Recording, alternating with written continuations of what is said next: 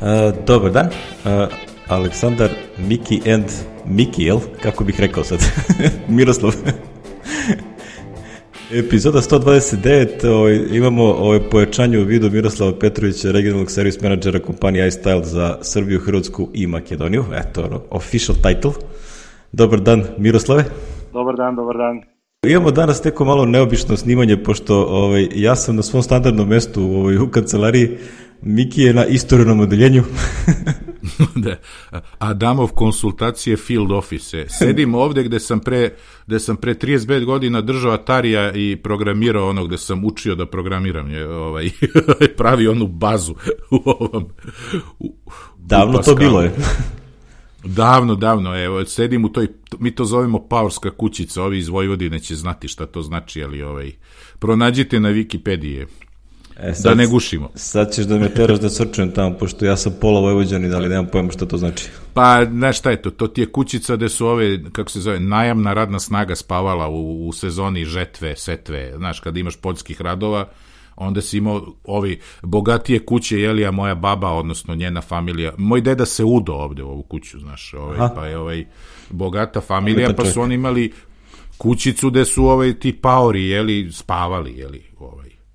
Tu spavaju, tu ih hrane, onda preko dana su u polju rade i onda se vrate. E, ovo je adaptirana jedna lepa mala sobica, letnja kuhinjica i tako. Ja sam se sklonio od ova dva klinca koji gore verovatno vilene po, ovaj, po sobi i troše onaj Wi-Fi.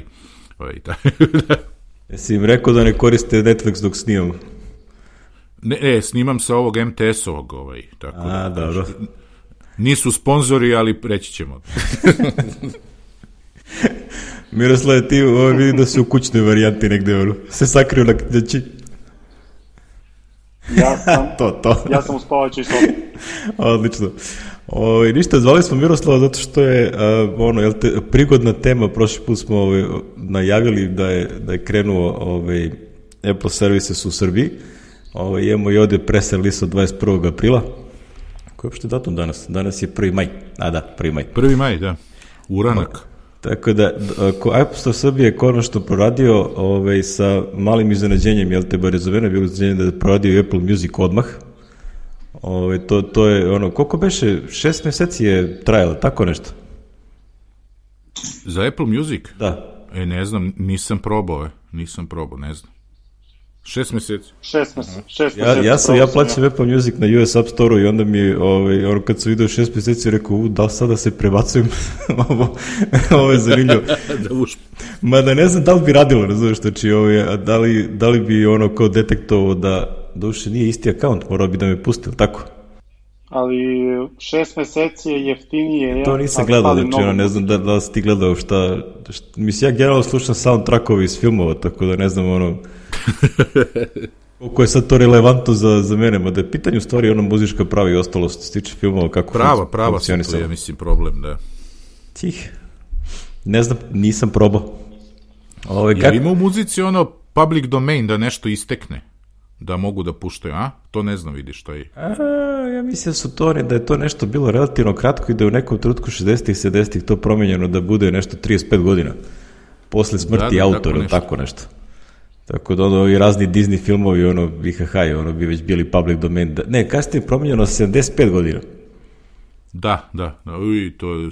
A pazi, a Paul McCartney umro još nije, tako da ko zna kada će biti Neće, ne zna da će naša deca dočekati ono da, da to ode u da. public domain. Nego Miroslav, ali ima neki promjena sa vaše strane, ono, ovaj, što se tiče kad je ovo se pojavilo, ono, tu išta nešto menja? U kom smislu? O, nemam pojma, ono kao da li, da li bilo, bilo kako utiče na generalno rad ovaj, što iStyle kao servisa ili ovaj, iStyle kao distributera, ovaj, da li se tu ište menjaš kad se pojavi App Store?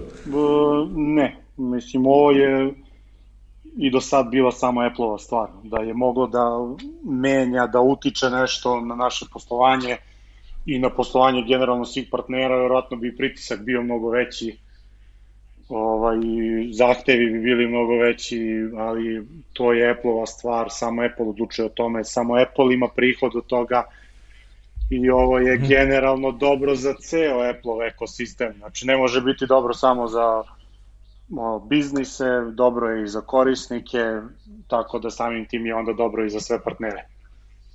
Mm. Onaj tvoj link je uh, tekst na, na blogu Apple u Srbiji, to treba da, ovaj, Miki, ubaci to negde si obavezno u show notes. Dodaću, da, da, da. Dodaću. Ovi... Ali mislim, mislim da smo to dodali u prošloj epizodi, ali ponovit ćemo. U prošloj pretpošloj. Nije tako... gorek da se ponovi, pošto me, ja sam Ponovi, se konsultovao da, da. više puta dok sam prebacivo ovaj, moje razne akaunte sa Hrvatske na Srbiju. o, jesi ti prebacio, Viki? Ne, ne, ne, ja sam na Sloveniji, zato što imam ovu, ovu slovenačko-nemačku karticu i neću da menjam, znaš, tamo imam, Aha. pa tamo imam i ovaj Apple TV Plus, dok, dok mi važi ovaj godinu dana, neću da, ovaj, da diram, A, to znaš, da gledam sve nas sa slovenačkim titlovima, je. E, to već znači... Danas mi izlazi no, nova epizoda Def, Defending Jacob. E, pustili su tri epizode i onda valjda će sad nedelju za nedeljom. Nije ono jeste, jeste, celu to seriju standardno, To je njihova standardna praksa na Apple TV. To je isto bilo Tako iz onaj da čekam da se to pojavi. Da. Tako da sam na slovenačkom, ali da li ću prelaziti, ne znam, možda u jednom trenutku kad rešim da nas sve objedinim, ono, cecu, mene, Petra i tako, sestru i tako, sve nas. Ja sam, ja sam prebacio, pošto generalno da iCloud servisa koristi samo onaj storage, pošto imamo toliko uređaja mm -hmm. u kući da ono svima treba backup, a i brat bratu imam jedno ono, sto, stotine gigabajta slika i videa, I onda to je samo bila muka da se prebaci, ono, sad će se Miroslav da sam ga pitao baš ono šta će se desi kad to isključim pa uključim. Tako da je to, to je prošlo super, ove, ovaj, jedno što sam, bila je mala zvrčka, pošto ja u stvari koristim različit account za iMessage i iCloud u odnosu na App Store i iTunes Service. I onda ove, ovaj, kad god odem da kao promenim region za ovaj iMessage account ili ti ono, moj lični iCloud, on me prebaci u iTunes Store, gde je drugi akaunt i tu se zbinguje i ono kao dobijem belu fleku na ekranu i ništa se ne dešava. I onda sam morao mm -hmm. da mhm. uradim sign out sa App Store-a, pa tek onda je u stvari radila, radio transfer. To je samo bila zvrčka, inače ostalo je i to naš ono kao sign out, pa ti stigne tu, tu factor authentication, pa onda kad se loguješ ponovo, pa to sve trajalo do sat vremena za četiri telefona, za četiri akaunta. Ove, ovaj, ali, ali ono, daš ono, krenuo uveče u 1 do 2 sam bio gotov. Dobro. Ovaj, Miroslav, gde si ti se prebacio na, na srpski ovaj store? Jesam, jesam. Ja sam se prebacio odmah.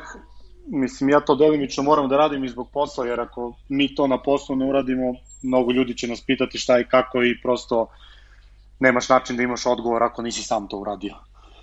Tako da ja po mhm. defaultu sve te nove stvari radim odmah i za računare i regione i sisteme. E, prošlo je sve glatko, e, par aplikacija koje sam imao na US Store-u sam prebacio, morao sam da ih brišem pa da ih ponovo skinem sa srpskog stora. Mhm.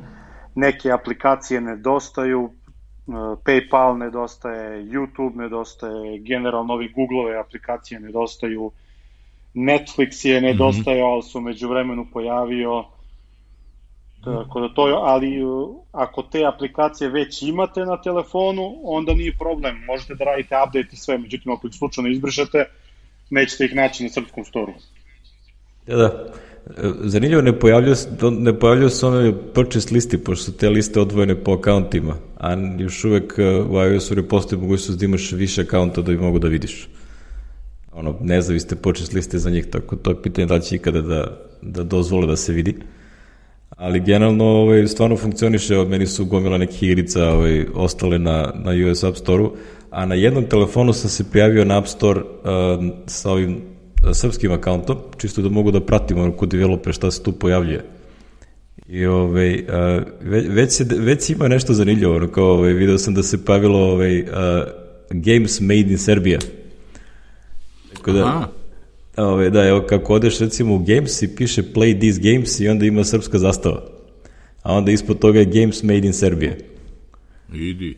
A, tako da ono, znaš, neko, neko sad, ne, ne znam, nije mi poznato da li već postoji neki, neko ko je urednik baš za srpski App Store, ali ovaj, definitivno neko vodi račun o tome da po raznim regionima ono kao promoviše te stvari, ono što sam očekivao da će se dešavati, tako da ono kao super je videti da Jer ono, ako nešto ovde postoji, to je ta outsourcing industrija za, za razne igrice i ostalo. Ono, kao gomila tih nekih firmi u Srbiji u stvari se bavi kreiranjem igrica. Ovo, tako da vidi top 11 je tu. A, Rainbow Loop, ovo nikad nisam vidio, ne znam šta je ovo. to će sve doći na svoje. Mora samo da prođe vremena, da se to sve što kaže slegne. Ipak je to 20 zemalja, mm. mnogo korisnika, mnogo uređaja i onda prosto proći će vremena dok, kaže, odreaguju i serveri i te promene se sve ovaj, dogode i onda će polako i ti prikazi najboljih aplikacija, najviše preuzimanih, najboljih igrica, sve to mora da da se dođe na svoje, samo je bitno da prođe vreme. Dobro, ovo što bi rekli, ja, ja sam očekivao da, ono, da se te stvari sve nekako svedu tamo do sledeće verzije iOS, znači negde na jesen. Mislim da će to da, da ovaj, profunkcioniše mm -hmm. u kompletu, jer ovaj, ne verujem da će odjednom sve da krene, ali ono, super je videti. Tako da ja imam na jednom i tu sam u stvari, pošto taj telefon bio ranije na US App Store-u, onda je nekoliko aplikacija ostalo vezano za njega i update uredno stižu, tako da nije problem, ali to što ti kažeš, ako ga obrišem, onda mora da se reloguješ na stari da bi vratio. Tako da taj, taj deo će biti zabavan za menadžment. Ako si menjao, to je problem, ako si menjao region, onda nemaš da, da se vratiš. Jasno. a nema ni, a nema, nema ni aplikacije, tako da... Ja sam iskreno happy, ono, to, to je pre, pre recimo dve, tri godine sam primetio da to funkcioniše. Znači, ranije, a, pošto kad, kad sam putovo negde, ja uzmem onaj Apple gift card i onda otvorim account na datom storu.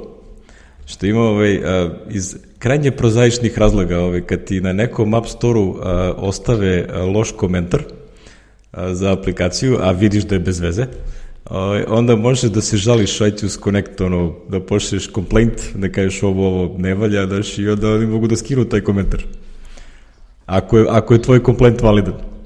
Ja, da bi to uradio, moraš da imaš account na tom storu, jer sa njega šalješ. I onda gde god sam putao uvek kupim ako postoje gift kardovi i otvaram akaunte, tako da imam na jedno dvadesetak ove raznih storova. što je vrlo, vrlo zanimljivo za management. A druga varijanta gde je to korisno je kad imaš ovaj, ono, odeš pa kupiš SIM karticu, pa obično, recimo u Nemačkoj je bila fora da na Vodafonu, ako se loguješ u njihovu aplikaciju i klikneš neko dugme na nemačkom koje se jedva našao, dobiješ 10 GB ekstra. Što, jel te, ovaj, ko, ko je bio u Nemačkoj i zna koliko kod njih košta mobilni internet, to je super, to je super fora za... Ajde u Nemačkoj, ja sam to u Grčkoj jednom jurio ista fora, na ovom Kosmoteu je bilo, ovaj, na grčkom ti izađe poruka, kao uradi ovo da bi dobio, ne znam, jo, samo prepoznaš ono 5, 500 giga ili ne, ne 100 giga, samo to prepoznaš od svih slova, a studirao sam matematiku, kao što bojica znate, trebalo bi da, da bar malo znam slova. Boga mi. Ali dobro, iz tih razloga, to su jedan razloga zašto sam jurio te, te razne neke akaunte i sad imam koje kude. E da, zaboravio sam još jednu stvar. Ovaj, uh, Eurosport Player u početku kad se mm -hmm. pojavio nije radio u Srbiji. I onda je bilo moraš da nađeš, uh, da imaš akaunt na nekom od evropskih tipa, engleski, nemački ili francuski store, da bi onda mogao da ovaj, skineš uopšte aplikaciju. I onda su posle nekog vremena skapirali da to maslaninu koji ljudi koriste pa su uveli ovaj geo, geo IP. Ako ne dozvoliš pristup lokaciji, ne možda, neće ti pusti stream. I onda tih zlikoci. pa su me tu zeznuli, ali dobro, bože moj. Ovi, rešit ćemo to. Ovi, sad, sad radi Eurosport player, tako da nije... A, da, sport, to, to, da, to beše nešto nekad postojilo u, u, na planeti. Nekad se održavalo, da, sad da, je samo se održavalo. o, vidim da si stavio Miroslav ovaj link za, za kvartalni report. Ja sam sinoć nešto gledao film, pa sam tek jutro ono, ispratio ove cifre. Ove, a, mogu ti reći da sam očekivao da će malo više da ih potkače ova korona. Ali ove, po ovome što ja vidim, to je sve prilično razumno, čak su ove, manji padovi nego što sam očekivao da će biti. Pa čuj, nekako im se razdelilo, bit će deo u martu, deo u aprilu, znaš, pa nekako nije sve, ne, neće im sve upasti u jedan kvartal, znaš, pa ovaj, to ih malo izvuklo, ali opet i ja sam očekivao da će više, ovaj, da, više da ih pogodi je. Da, baš je onako, si, simpatične cifre, ono, a ovi servise su ono 13 milijardi. Ja, čekaj, da, da, maksimalni, pa, rekord, da. Da, da, rekord, da. rekord. Do, Pa da, ali mislim da su se spremali na vreme. Nisu naravno mogli da predvide koronu, ali ako se sećate, oni su kako je krenula da pada prodaja iPhona od iPhona X, to je već sad već se ušli u treću godinu, oni su se priorijentisali na servise, to jest na te usluge, i agresivnije su se širili na, doda, na druge zemlje. Bilo je 5 milijardi usluga pre 3 godine. To je sad tri puta više. Znači oni su, zato ja mislim da taj pad nije se toliko osetio, jer su na vreme predvideli da će doći do pada u svakom slučaju, ne naravno zbog pandemije, ali je trend išao u tom pravcu i mislim da im je ovaj potes sa jeftinijim telefonom takođe će im to dodatno pomoći, jer je sada mislim da je cilj širenje usluga. Tak, sad mislim, ne, ne, ne, negde sam video, neki naslov mi je proletao ovaj, da a, imaju re, ono, novi rekordni broj ovaj, aktivnih uređaja na nivou meseca. To, ovaj, šta, gde, gde će ono, napravio si bazu, sad je to ono kao savršeno vreme, vreme to je savršeno, savršen teren da napraviš, ovaj, da pređeš na servisi, da to ide ovaj, zarađuješ na taj način. Tako da, što bi rekli, ne brinem se ja za tu firmu uopšte.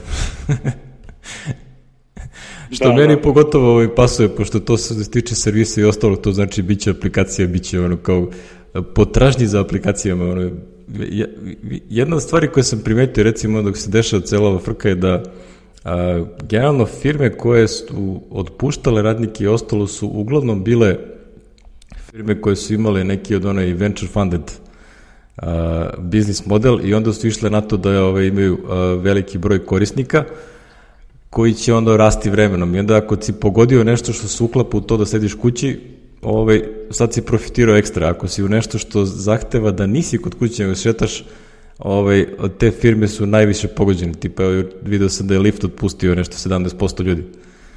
Ovaj, Uber takođe ovaj, ima problema, razne neke ove delivery firme takođe su ovaj, u problemima, znaš, tamo gde ovaj, ako oni deliveruju nešto što se više od firmi koje ne rade, onda nemaju šta da deliveruju i onda tu postaje problem. Mislim da je deliveru ovaj, a, u ozbiljnim problemima ovaj, u Americi. Tako da, ovaj, meni lično ono kao ništa se značajno nije promenilo, ali ovaj, vidim da ima dosta, dosta ovaj, Mislim da od kad ja sam u ovom tržištu nisam video veću fluktuaciju ovaj, developera ovaj, između raznih eh, firmi i veći broj ljudi koji traže posao. Ovaj, što je prešto čudo, čuda situacija, ono, kad gledam, pošto ja imam ono za još jednu dvojicu mene, ono, da, da, da se radi. da se radi, da, pa dobro. Što nije loše. Da, da naučimo decu, pa da ovaj, imaš šegrte, znaš. Viš, ovaj, da, ovi moji su još ono kao daleko od toga, ono, mada on, znaš, ima onih kad, kad dođe Tim Cook na VVC pa kaže, evo kao imamo, ne znam, ona devojčica iz Indije što je bila sa 9 godina ima tri aplikacije na storu. ja sam se bavio Pythonom, nedavno počeo da radi domaći u Pythonu, instalirao sam besplatni Python na iPad, e, mogu ti reći uživanje, ovaj, pa e? sam radio domaći sa njim, tako. Ono, savladao sam i Python, sam mogu pišem u CV-u, znaš. Da, da, možda, da, možda kreneš u, deca... možda kreneš u, ovaj, kako se zove, u, a, u školu, pošto moji klinici to uče, Python je u školi, ono šesti razred. A i on mi, pa i moj, moj, to sad ovo, ista, ista priča, znaš, pa sam mu instalirao u virtualnoj mašini na Windowsu da bi imao isto što i ovi škole, onda sam shvatio što se mučim kad može na iPadu to da radi, ali dobro, ajde, traži profesor, znaš da mu ovako. I pohvalio ga je, pošto sam ja rekao, sine, stavi ekstenziju tačka .py, znaš, on je stavio i profesor kaže ti si jedini koji ovo uradio. Rekao si. Znaš, ali kad pričaš o deci, to šta će da budu, mi smo ga pitali, moja sestra i ja jednom, da li bi hteo da bude pilot kao deka, znaš, on je rekao ne. I, ovaj, I dobro što je rekao ne, kad pričaš o ovome, 25 miliona ljudi u avioindustriji ostalo bez posla.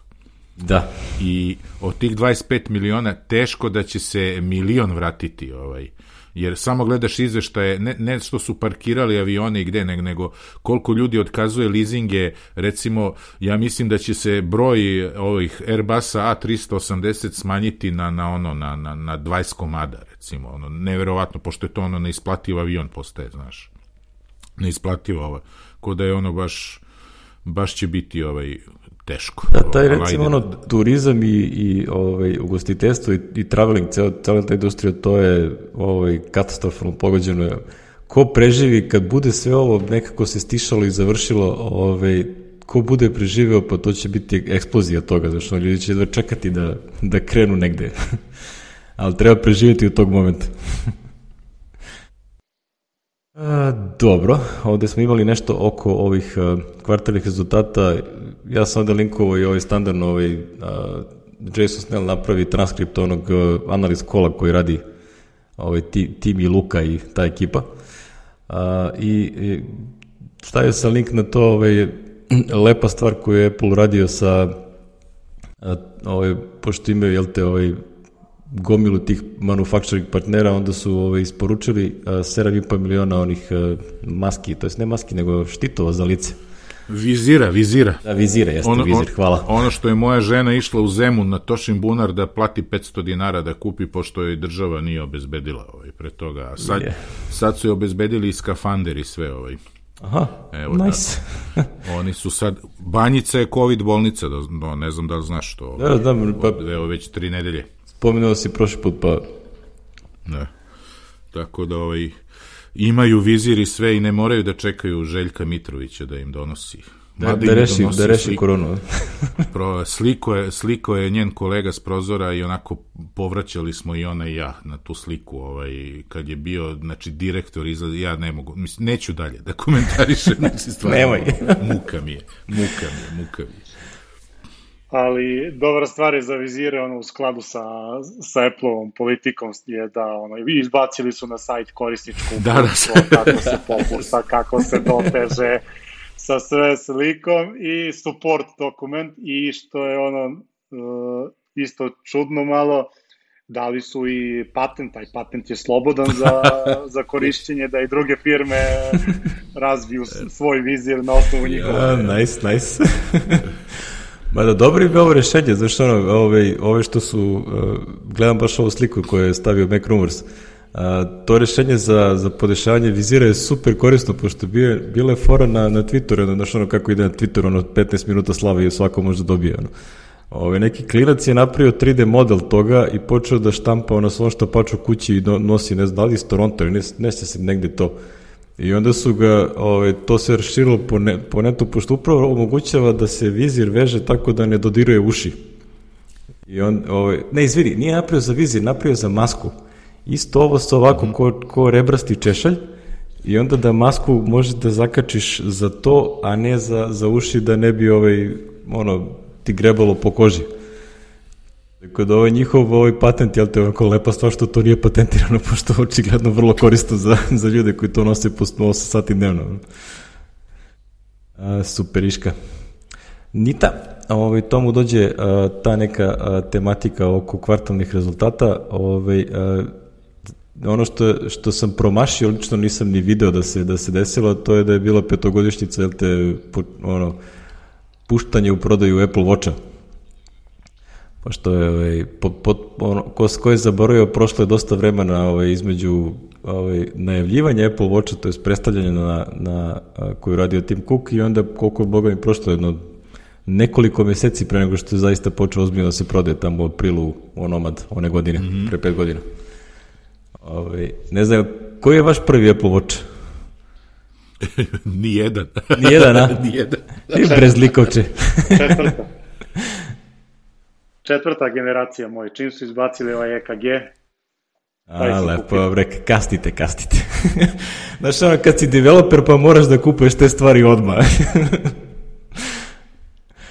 o, ja sam kupio ovaj u Londonu, ovaj, bio, bio nešto u bivšoj firmi, ono, poslom u, stvari ne, bivšoj, išao sam nekim drugim poslom u London i onda je, ovaj, a, sam svratio u, a, u Apple Watch uh, store i onda je, to je bilo, ako se ćete ono, to je bilo ludnica da se uopšte kupi, pošto nije bilo nigde, ono, nešto se rezervisalo unapred par nedelja, pa onda dođeš kad ti je termin i tako dalje.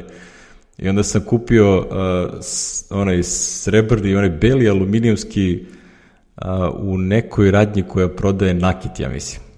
Bila je ta neka fora. Oni su imali neki deal sa Apple-om i dobili su te satove i onda su kod njih čekao. Ja sam dolazio na tri dana za redom dok nisam uspeo da uđem, dođem na red pre nego što zatvore radnju.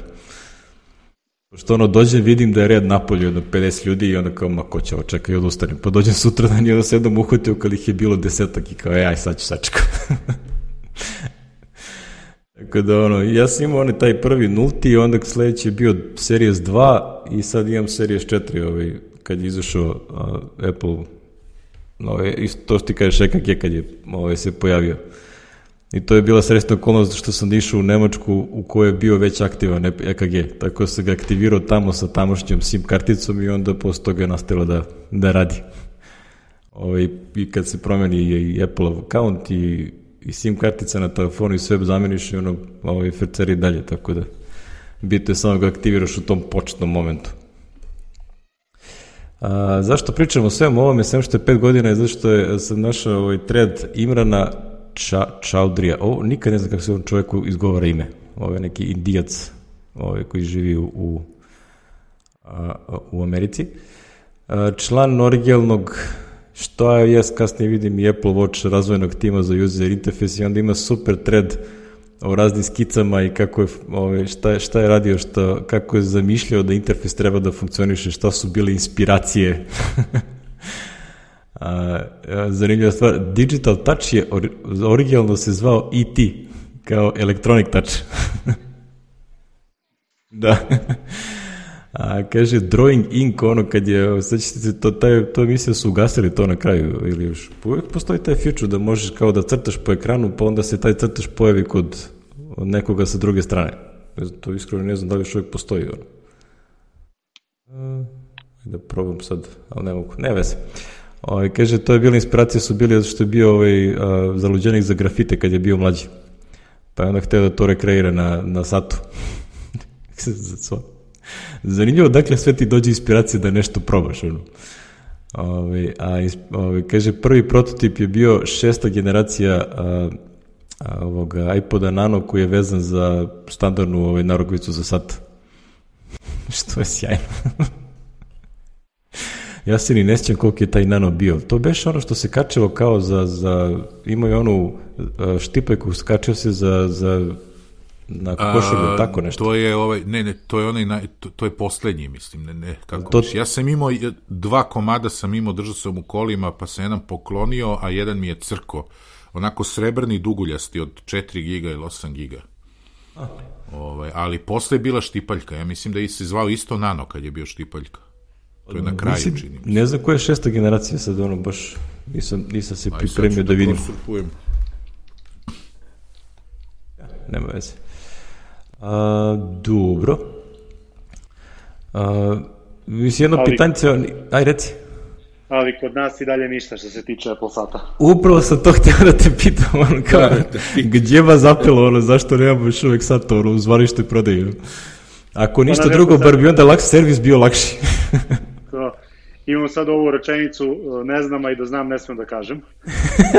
ovaj, da, pošto, dobro pošto da, pošto razni ljudi pričaju nešto, a nema svrhe da pričaš nešto što ne smeš da, da potvrdiš ni da dokažeš, prosto mi smo svi obavezani ugovorima i kažeš nešto što ne bi trebalo da kažeš, prosto ne želiš da budeš na toj strani. jasno, jasno. Jer uh, jednom je neko davno rekao iz distributera da Apple prvo ima pravni tim, a onda razvojni tim, dizajn tim i tako dalje, tako da Ovaj, što se tiče Apple sata, ono što može da se kaže da je to prosto čudna jedna, čudan jedan proces, ima ga recimo u Hrvatskoj, ali ga nema u Sloveniji.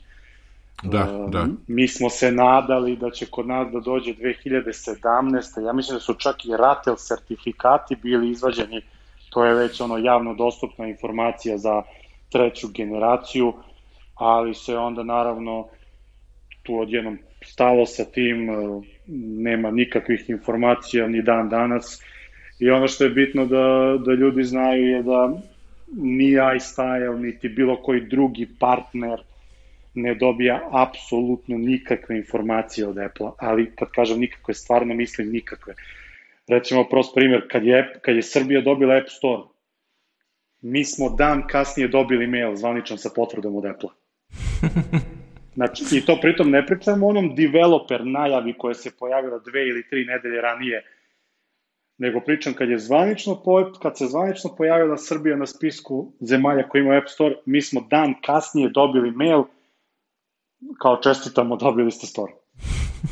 Baš vam hvala, da, znamo. Kod da, kod, kod Apple to ide tako. Ništa nećete znati, nećete dobiti odgovor na pitanje, čak i ako pitate, neće vam niko ništa reći i onda onog trenutka kad vi znate za to, zna i ceo svet.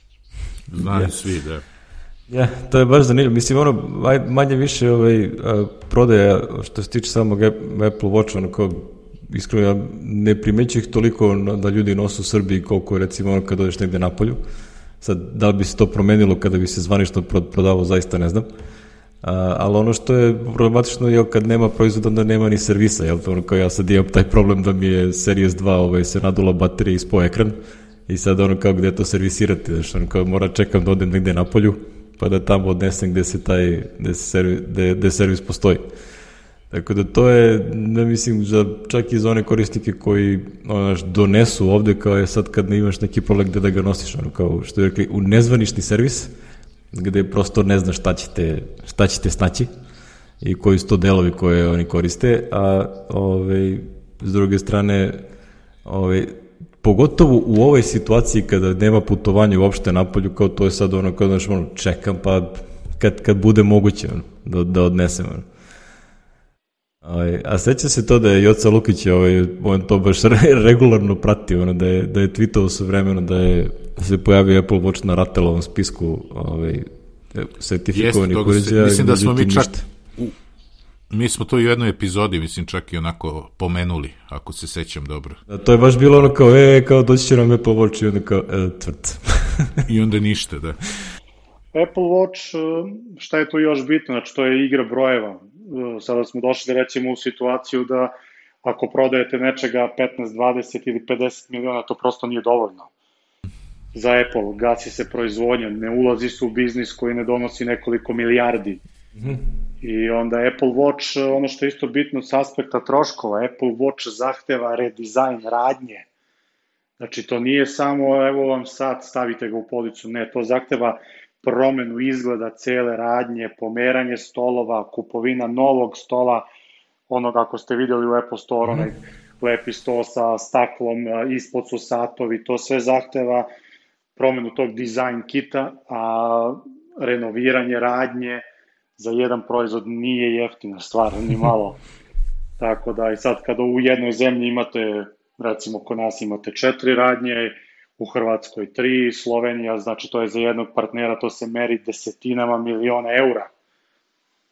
I onda se i tu postavlja pitanje koliko mi možemo da prodamo Apple satova da bi se isplatila takva stvar, a i Apple verovatno nema dovoljnu prodaju na globalnom nivou da bi širio taj proizvod na druge zemlje. Mm -hmm. Znači oni verovatno čekaju da se dostigne neki, neka cifra koja bi omogućila da se prodaja širi dalje. Isto je i za HomePod, isto je i za, recimo, zašto je Apple ukinuo Airport Extreme time kapsulu koji svi obožavamo, to je najsavršeniji proizvod, mm. on prosto ukinu to jer ne zanima ih da prave par miliona komada. Dačno, tako, da. Da, to definitivno ima smisla. Nije da nam pomaže nešto, ali ima smisla. da. Pa isto kao, mislim da ste spominjali na prethodnoj misli, kada bi Apple napravio novu kompaniju za AirPods, to bi bila Fortune 500 kompanija sa prometom od, ili, od 7,5 ili 10 milijardi dolara. E, I sad tako isto, a prodaju ih recimo koliko, 50 miliona godišnje. I onda kad prodaju nešto sa 10 miliona, za nekog bi to bio ozbiljan biznis, za Apple je to verovatno trošak. Trošak. da, to je, taj skel je onako jako teško da zavisliš, što ono, kada, ono, pogotovo kad si mali biznis, znaš, ovo što ne radiš u nekoj većoj firmi pa da imaš pojam o nekom velikom prometu para, znaš. Tako da to je to potpuno drugi mindset u kome se razmišlja, ono, tako da, da, dobro, šta, da. šta će? Mi smo imali imali smo jednu zanimljivu situaciju sad, da ne pričamo ono, ne mogu da kažem šta, ali mi smo nešto tražili, a oni su nam rekli ne možete to da dobijete. Mi smo rekli kao, kao postoji tržište kod nas za to, oni su rekli imamo Indiju, imamo Kinu. Molim vas. to je u skladu, ja sam pominjao u našim prvim epizodama Aleksa Trbović, jedan moj ja sam mu nešto održavao Meku, uglavnom on ono ima stan u Americi, živjeli su u Americi, dugo radio je, i onda je jednom tako zvao onaj 1800 Apple broj, zašto nema ovo, nema ono, znaš, i on je u Bostonu živeo, i onda je nekako došao do neke žene koja je poreklom iz Beograda, jeli, koja je radila u Apple, i onda mu je rekla, gospodine, kada Srbija bude prodavala kao Boston, onda možemo da razmišljamo o tome, znaš, e, to je to, to je otprilike to, znaš. A da, a dobro, šta da kažem, Ovi, što bi rekli, super je okolnost da uopšte imamo App Store, ovi, da, se, da se to ovde pojavilo, pa, ovi, znaš, ono, bar jedno po jedno nekako će doći. Ono, Doći će na red, da. Ja Samo da dodam za ovaj iPod Nano, našao sam je, ovaj, šesta generacija je onaj, onaj kvadratni, skoro kvadratni, koji ima touch screen. Aha. A peta su oni, oni, oni, peta, od, jeli, od 1 do 5 su oni duguljasti sa klik vilom i tako, tanki. Ha, ok, ovaj, onda, onda, da je, onda ima smisla. To je to. Inače, ako gledate ovaj thread ovaj, koji sam linkovao na, na Twitteru, kad se malo odskrlo dole, ima neki čovjek koji zove Dean Johnson, Ove, i ima snimljen video nekog testiranja nekog od prototipa tih satova. Znači, ja ne znam kako je ovo ovaj, kako je čovjek A, ovo izneo. Ali vrlo zanimljivo, došlo ono prisloni iPhone uz iPad, flikuje sliku s jednog na drugi i onda se ovaj, klikne nešto da bi se pojavilo na prototipu od samog uh, sata. Ovaj, tipa nekoliko sekundi traje ovaj, demonstracija, ali ono super, svašta izma zanimljivo u ovom trendu da se vidi. ja ne znam ono kako, kako njima ističe ovaj NDA i to su u kom trenutku oni, za, verovatno za svaki proizvod zasebno mogu da pričaju kada izađu iz Apple-a posle nekog vremena, smeju da spominju ovakve stvari. Što ne verujem da za neke proizvode koji nisu videli svetlo ove, javnosti da, da uopšte smeju da govore. Bar bi ja to očekio da tako funkcioniše. Tako da... Pa pazi, naš NDA je 10 godina. Znači njihov je ili isto ili duže. Da, da. da, verujem da za naš za proizvode koji nisu se pojavili da ovaj verovatno traje ono ih ono prilično prilično dugo ono. Seća se da je kad je uh, izašao Touch Bar, da je Brad Victor, jedan od likova koja ono, gotovim da prati na netu, uh, je, koji je radio u razvojnom timu Apple još pre prvog iPhone-a. I onda se sećam da je on tad tweetovao kad je izašao ovaj, kad je izašao Touch Bar, onda je on tad tweetovao kao uh, nešto u smislu, evo, pojavilo se nešto, čiji prototip nečega što smo mi radili pre 10 i po godine. Znači, ono, tad, tad je bio neki prototip koji nije realizovan i onda ovaj, tek kad je izašao, onda je on spomenuo kao je to, to postoji. Tako da, znači, ko zna koliko takvih prototipova nečega postoji, pa se odustalo umeđu vremenu kao je, nemo, to danas nemamo tehnologiju da napravimo, možda bude nekad. Ali ono, zanimljivi su ovi tredovi, recimo nisi imao predstavu da je Solar Watch Face napravljen, ovaj, kaže ovaj čovjek, napravio sam ga da bi ovaj, muslimanima bilo jednostavnije da prate Ramadan i ono ko gde se, u kom koja je pozicija sunca, ono. Ja, ja sam mislio to onako napravljeno što deluje super zanimljivo. Znaš, ono, fina demonstracija nečega što ne možeš da napraviš na standardnom satu. Pa onda ovaj, kao pokazuje da ovaj, mogućnosti onoga što se zove digitalni sat. Ali ono, nikad ne znaš šta neko bude inspiracija za nešto. super forma. A, dobro, Ovaj, kad već spominjemo Apple Watch, ovaj, vrlo često ja tu spominjem linkove koji su vezani za to, ovaj, ovaj, pošto jel, ti imam ličnog iskustva na tom domenu, a, kako Apple pomaže ljudima, a, to jest Apple Watch pomaže ljudima da prate svoje zdravlje.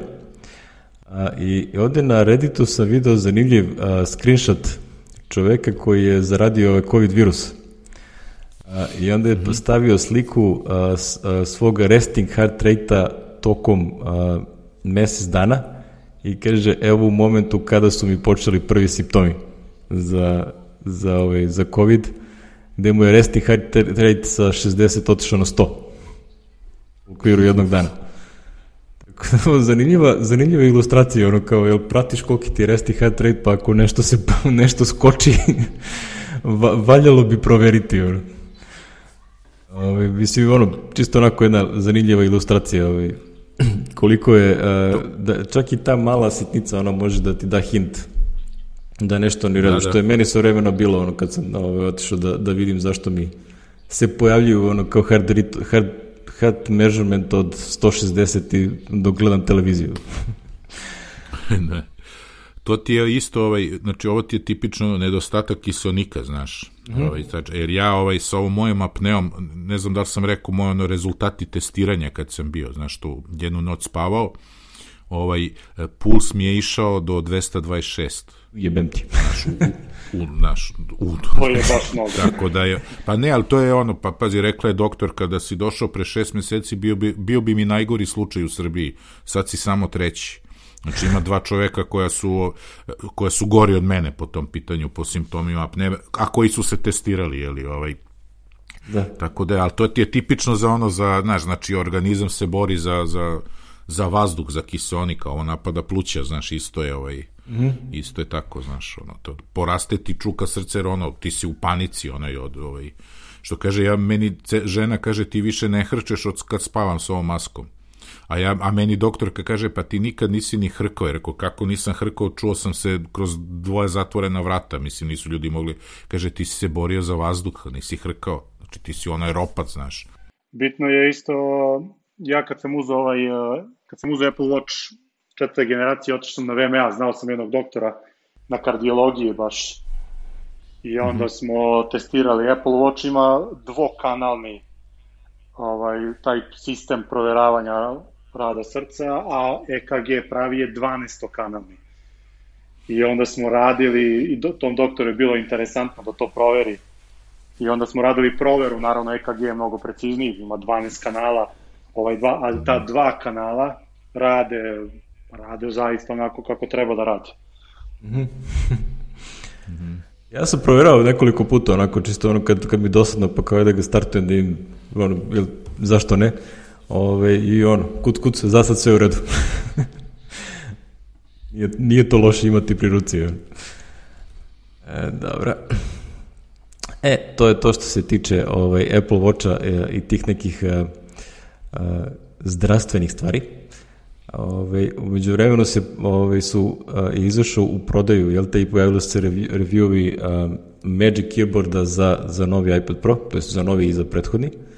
Ovaj, I po onome što, što sam uspeo da uhvatim, generalni utisak je da je ovaj, verovatno najbolji akcesori koji može da se kupi za, za iPad Pro. Ovaj, ne, ne znam da li ti možeš da kažeš ono, Miroslav, kad bi to, kad bi to kod nas bilo u prodaju, da uopšte ima nekih indicija? Ja mislim da to već može da se poruči. Samo što sam ja baš slab sa tim kad šta stiže u prodaju. Meni je bitno kad stiže u servis.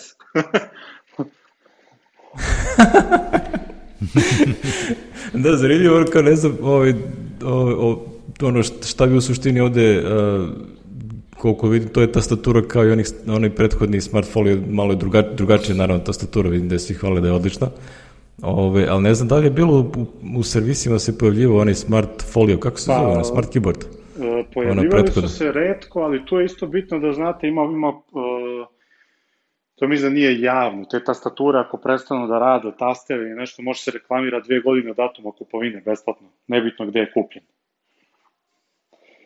Mm -hmm. Ali, nice. ali u svakom slučaju to se jako redko. Prvo, te tastature su onako gumirane, nema tih otvorenih konektora, i ako se prospe ne može da uđe u, u elektroniku ili ispod tastera, osim onaj deo može se natopi, ali generalno funkcionišu bez ikakvih problema. Sad Apple je odavno ovladao tim magnetima, pa ova tastatura prosto ne čudi, ono, kad može da drži ovaj novi display, ono, postolje na magnetima, može da drži jedan iPad od 800 grama.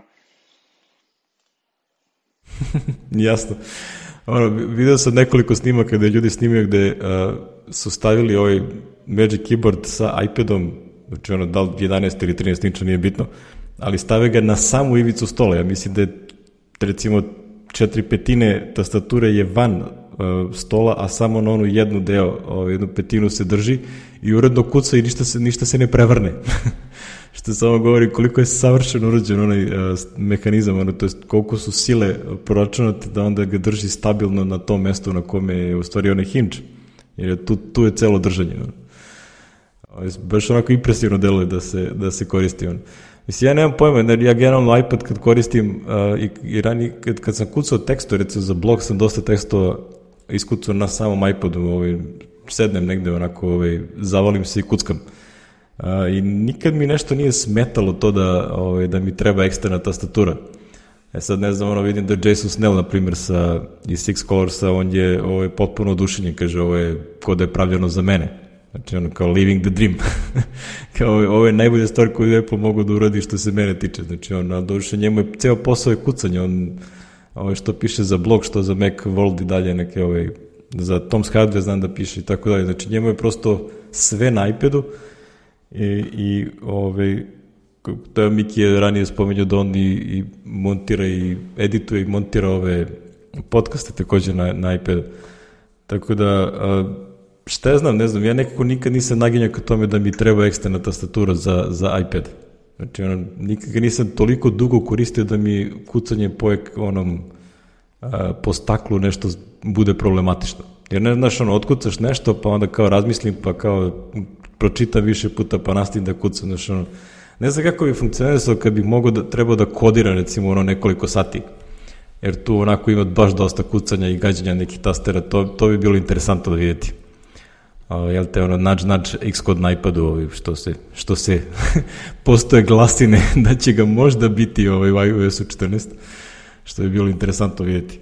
Tako da ne znam, ovaj, jesi ti koristio možda smart keyboard ranije? Ja samo u pokušajima, jer iPad mi imamo, mm -hmm. imamo gomilu softvera ono kompanijskog koji prosto zahteva računar i ne radi na iPadu uopšte, ali zanimljivo je recimo da ljudi kupuju to sve u kombinaciji i to bude jedna zaista ozbiljna cifra. Znači, kogod kupi iPad, on kupi tastaturu, kupi i olovku. I mi sad pričamo iznosimo od 200.000. Sigurno, iPad Pro, ne znam na pamet mhm. cene, ali iPad Pro 12 inča, 12.9, 11, plus ova nova tastatura, plus olovka, to sve može da izađe na, na preko 200.000.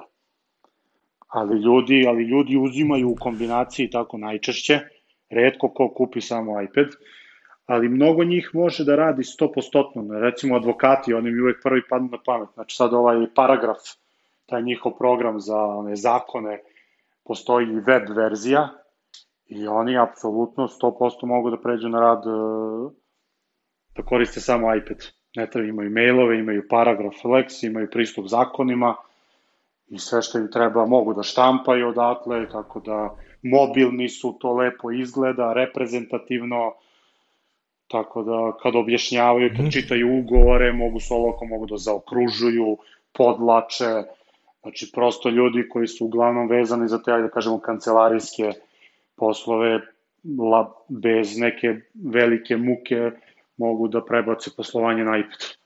Ne znam, Miki, ti nisi nikad kupovao neko od ovih tastaturica? Uh, nisam tastaturice nikad. Pazi, ja za to nešto što mi je jednom trebalo duže, ja imam onu Kaneksovu tastaturu, to se Miroslav sleća, ja mislim da se to isto nabavljalo iz istog izvora. Kaneksova sa numeričkim delom Aha, i što ima znam, tri Bluetootha, znaš, pa sam nju ovaj, tri Bluetootha USB i super, ja dan danas koristim kad sedem dole u onu moju, na moje standardno mesto gde snimam, znaš, pošto s nje kontroliše Mac-a i imao sam jedan mini ranije koji sam koristio za ovaj testiranje za 4D, pa su mi to ta tri Bluetootha bila, pa sam onda jedan prebacio na iPad, ali nikad mi nije trebalo ovaj, mogu za sad, mogu ovo na tastaturi, ne znam kad bi mi, pa dobro, sad mi imamo i laptop i ovo, ja čim treba nešto druže da kucam, ja ću da izvadim laptop, znaš, da, da završim to, ali ovaj, mm Ako moram duže da kucam, a laptop mi nije pri ruci, bože mili, završit ću na iPadu. Tako, i olovku nisam dugo koristio, više nemam onu, kaže, izgubio sam tu potrebu da ovaj, ne, ne radim više to što sam radio s olovkom, tako da ovaj, mi ona stoji, daću je sestri najverovatnije, za on, pošto je ona kupila ovaj iPad, pa ćemo da vidimo.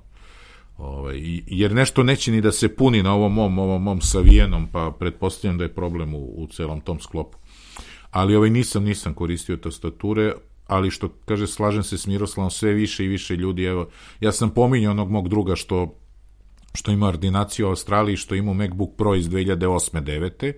i kao konačno mu je, mislim konačno, nije konačno, ali u principu crko mu je i kao šta sad da kupim ide u Australiju da preda onaj završni račun pa onda troši pare, kao i mi ono, znaš, Ja sam u iStyle-u kupio Time Capsule, sećam se baš ono, to je bila jedna od kupovina, uh, daj da potrošim nešto da umanjim poreza da imam neku lepu stvar, jeli, ovaj, taj tip kupovine i ovaj, kako se zove, e tako je on išao i kao šta da kupim novi laptop, ja sam mu rekao pa šta radiš, znači to je što ti kažeš kancelarijska stvar, office, email, surfovanje i to je to.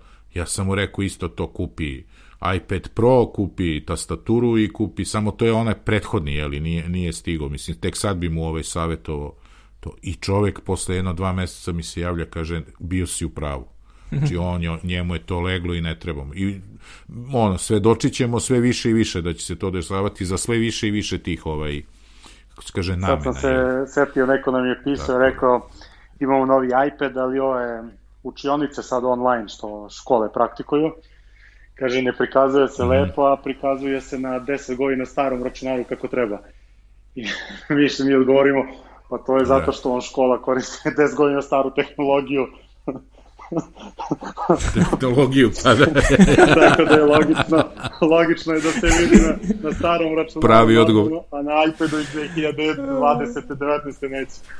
Da, baš to kad spominješ, recimo ono, pošto sad kad su klinci kod kuće ove, i onda ove, ovi moji a, ajde ovaj mlađi, ono, treći razred, znači njemu, on, on šalje slike onog onoga što piše u svesku, pa to pošalje slikama učiteljici da ona vidi da to uradio i tako dalje. Ali ovaj recimo stariji u šestom razredu, on ima ceo Google Classroom je evidentiran, ovaj, svuda se pojavljaju se domaći i onda ono kao hand in uradi domaćeg i sve toga i onako mogu ti reći se prilično i sve to funkcioniše na iPadu bez problema. Najveća muka mi je bila da, da ga ovaj, prijavim na, na, na uopšte na Google Classroom da funkcioniše, pošto ono moraš da imaš, mi, ja imam Google Apps for Business, na kom imam ono kao vacic.rs domen. I onda tu su nam svi mailovi. E, te, te mailove ne možeš da koristiš za Google Classroom, moraju da budu Gmail obični. Ono klasika kao i za YouTube, što ne možeš da se prijaviš na YouTube ako ovaj, ti nije Gmail account. I to jest, ne može da bude Google Business account. I onda je kao shit. I onda je to živa muka bila, razumiješ, s onim njihovim authentication mehanizmom, da, ono, da ga ubedim koji account ja u stvari hoću da se prijavi na Classroom. I na kraju sam morao da uradim sign out svega i onda da se ulogom samo na taj jedan i tek onda je ono kao ovaj, skapirao, nego ne, nešto se pogubi onim authentication cookie ili šta već koristi za ovaj, tokenima kad prelaziš sa Classrooma na Authentication pa nazad da te vrati. A tek Google Drive kad je trebalo da se poveže, to je tek isto bio kao se banci svoje vrste. Ono. Dakle, da ono, znači ono, uvek važi da Google važi za onu firmu koja ovaj, odlično razume te web servise, ali očigledno da to ovaj, ponekad baš ovaj, kad imaš različite sorte akaunta koji su aktivni u istom browseru, to baš i ne radi tako. Ovaj, nije da sam probao samo Safari, nego radil, isto je funkcionalno i kad sam probao da se prijem kroz Google Chrome. Znači, bukvalno isto radi. Tako da, ovaj, a, ali eto, ono ko mogu potvrdim da to sve radi na, ovaj, da Google Classroom kompletno radi na, na, ovom, na, na iPadu, čak mislim da je to iPad Air 2, ja mislim tako, i to super funkcioniše, klikneš na dokument, on ga otvori u Google Docs, snimi ga, vrati nazad, ovaj, dosta to fino ide, ono je, je bukvalno jedine probleme kad smo imali je kad, a, pošto su i nastavnici bačeni u tu vodu isto koji studenti. Ono kao, evo vam ovo pa se snađite. Znaš, ono, bez neke obuke, znači, onda neki od njih prosto nisu znali kako da postave zadatak. Jer nisu, znaš, ono, ko je, ko je pronašao da vidi one video, ovaj, Google-ove video kako se koristi Classroom, onda su se nešto isnašli, ali nekoliko njih u početku je bilo ono kao, znaš, imaju one kao neki chatroom za celo odeljenje i onda kaže pošaljite mi ovde. Znači, kad bukvalno tako, pošaljite mi ovde vaš domaći. Sad ono kao klinci krenu da, da uradi reply na to, nema opcije da se zakači ništa kao komentar. Znači, ne možeš da kad zakačiš file na reply, ali možeš na novu poruku. Posle tri dana i dva domaća, to se više nije znao na ko na koga odgovara, razumiješ, ono, možda misliš kako izgleda čatu sa 30, 30 rodeca. I onda je to bio cirkus, pa onda da provale gde treba da se setaju zadatak, pa onda klinci se, aha, pa ja sam vam poslao ovde, kao, pa jeste, ali nisi poslao ovde što se zove školski rad i tako dalje. Ne znam, Miki, kod tebe, kako to izgleda, ono? Pa on to s telefona, on redko uzima iPad, znaš, i on kombinuje telefon, sad je dobio moj stari laptop, ovaj, ono, 2001, onaj tvoj isti je, mislim, što, ovaj, isku, komšija ga je iskuglo, jeli, sad radi ovaj, i rekao je ako bude opet riknulo da naručujemo čip, ovaj, pa će i to da radi, ovaj, ali za sad je okej. Okay.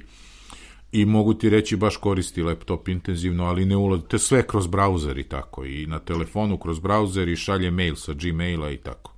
Nisam ustavljao te aplikacije, ali mu radi to funkcioniše. Evo ovo, kao što sam pominjao, onaj Python, to sve, sve preko toga dobijaju na Classroom, one fajlići, tako zadatke i ovaj, to je to. Mislim, te, sve te aplikacije generalno dugo traju, uh, sam uređaj je ovaj, super upotrebljiv godinama, znaš, tako da ono, ti kažeš recimo to sve zajedno košta 200.000, ali ja brat bratu mislim da to što danas kupiš za 200.000 možeš da koristiš i za 6 godina bez ikakvih problema. O, ja mislim da će to da. nastaviti da, da bude upotrebljivo i tada. Tako da ono, to je za, na duže staze super investicija, pogotovo ovaj, koliko izdržljivo i prenosivo levo-desno. Jer ono što ja radim sa iPadima, ne bi se usudio da radim sa laptopom nikad. Način kako da. ga šetam, ispustam i, i ostavim sa strane, ono, nosim u kupatilo i tako. da, te fore. Ako se opet pokvari laptop, ja ne bih kupovao čip. Zato što je to fabrički defektan čip, što znači da nećeš naći čip koji je ispravan. Oni su iz proizvodnje izašli svi neispravni. I onda je gubljenje vremena prosto da kupuješ nešto što znaš u startu da će da se pokvari. Pitanje je samo vremena i pitanje je na koji način se koristi laptop. Za bilo kakvo ono lagano korišćenje, on će izdržati par meseci do godinu dana. Ali ako je nešto zahtevnije i kako se bude zagrevao, tako će i popuštati ti lemovi i opet ćeš imati istu stvar. Mm. Pa palio je ventilator, par puta sam čuo na, na ono, na, na, do duše start, kad startuje virtualnu mašinu, znaš, ovaj, u početku nešto, ovaj, posle nije, znaš, ne znam, već ko zna šta je indeksirao, šta je radio, ono, Spotlight ili ko zna šta, ali ovaj, to je, pošto me taj Windows u virtualnoj mašini, ali kako se to bude nastavljalo, ne vidim razlog da bude, mislim, može Python da koristi i na Macu, znaš, jer ovaj, nisam bio siguran šta će nastavnik da im da, znaš, da li ima neki poseban softver koji on zamislio, pa sad da ga ne, ne hendikepiram da, da koristi nešto, a svi ostali nešto drugo. Međutim, ovako kako na početku vidim, ovaj, to sve se radi kroz brauzer. Ima neki sajt im je dao gde kroz brauzer rade to sa Pythonom, pa imaju u nizu onako zadatke i mogu to da im pošalju ovaj, znaš, ne mora s ovim editorom, ali vidjet ćemo. Da, Ide, da, pa, Python je zgodan pošto je interpreter, pa onda možda ga pustiš i na browseru. Interpreter, da, da, i ono, čuj, gledaš kako se šta radi, ono, shvatiš koliko je ovaj identi, uvlačenje redova bitno u Pythonu, znaš tu foru, evo, to ne. nisam znao. Nikad nisam pisao Python. Pa recimo ono, if else, znaš, imaš if else i šta sad, kako, kako sad ja, a nemaš end if. Aha. Razumiješ, znači nemaš, nemaš, ne završavaš blok. Blok se završava tako što uvučeš nazad ono. Znači, ako hoćeš nešto da se nastavi, da se izvršava posle celog ifa, cele, celog bloka, moraš da, u, znači, ovo ispod else, ispod if moraš da uvlačiš, uvlačiš jo. za jedan nivo više. Brate, pa da to je dušu dalo za greške. dušu dalo za greške, znači, baš ono, ja, kod to, to nisam znao kod Pythona, rekao, vidiš ti to. to mi zvuči da su oni što su smišljali Fortran su napravili Python. nije nemoguće, nije nemoguće. e, moguće. E, dobro, ništa. Ovaj, ispričali smo se malo o Magic keyboardu, ovaj, mislim, generalno, znaš, ono, nemamo neka direktna iskustva pa da možemo da ih prenesemo, ovaj, tako da ostaju vam ovi linkovi ljudi koji to očigledno malo više koriste od nas. Naravno, ne, nezaobilazni Federico Vitići, ovaj, sa, sa, ne, koji će verovatno da napiše još jedno deset tekstova o, o keyboardu u naredni godinu dana. Ove, ovaj, I a, iznenađujući zanimljiv review na, na The Verge-u gde njihovi njihovi opisi su mi generalno ovaj, onako ide mi dođivi. Ovaj, ali iznenađujući ok, znači nije, nije to tako, ovaj, nije, nije loše predstavljeno. Ovaj, stalno nije su clickbait kao što umeju. Da, da, nije stalno su pređe sa a, laptopom, meni generalno a, korišćenje iPada kao laptopa nije toliko blisko, znaš, tako da mi onda sve to zvuči jako čudno, deluje mi kao promašena tema, ali eto, ono, kao svi pišu o tome, pa kao, bože moj, ovaj, valjda ima tu nešto. Um, pa pogrešna je premisa, mi smo pričali o tome, znaš, a, a, ako želiš da koristiš nešto kao laptop, pa to su i protivnici iPada u početku bili, nema USB, nema ovo, znači ako ti želiš da ga koristiš kao laptop, onda nije za tebe, znaš. Da. Bolje Ali kupi da laptop, bar je da završiš... manje grama ima. Da, ne, ali da ga koristiš da završiš posao koji, kojim se baviš, jeli, e, to je onda pa ga ti adaptira. Pa ako to na kraju liči kao laptop, bože mili, ali ja mislim da nije, znaš, da nije isto, da se ne kreće od te paradigme, znaš, ali Ovaj, to treba vremena da ljudi ukapiraju, evo viš sad posle koliko godina počinju da kapiraju. Ovaj, znaš, e, e, to ti pokazuje ono, mi, ono, mi se ne, u poslednje vreme ni ne, ne, ne pljujemo neke druge rešenje sve, ali gde su sad tableti sa Androidom? Ja ih ni ne viđam više toliko. Mislim, ne znam, znači, ja ne znam da da ljudi ne, ne znam ne znam dva čoveka da koriste tablet ono Samsungovi i to ga imaju od ranije ono dok je bilo znači niko to ne pominje više to su sad jeftini kinezi koji služe ono kao, kao DVD playeri, mislim, za auto, eto, to je to, je, to, to je to je. Da, otprilike se svelo na to. Da, ništa drugo. A mi ovde govorimo ono o, o X kodu za koju godinu na, na iPad. Znaš, Čuj, je... ako su, ima i ole ove, nečega u ovim glasinama možda već za mesec dana. A dobro, ajde, čućemo. Čućemo. Biće zanimljivo kako će da, ovaj, kada Xcode se pojavi, pa ljudi koji pošli da programiraju na tome, šta će da radi ovi što ovaj, koriste escape taster, ko što ja ga ne koristim skoro uopšte.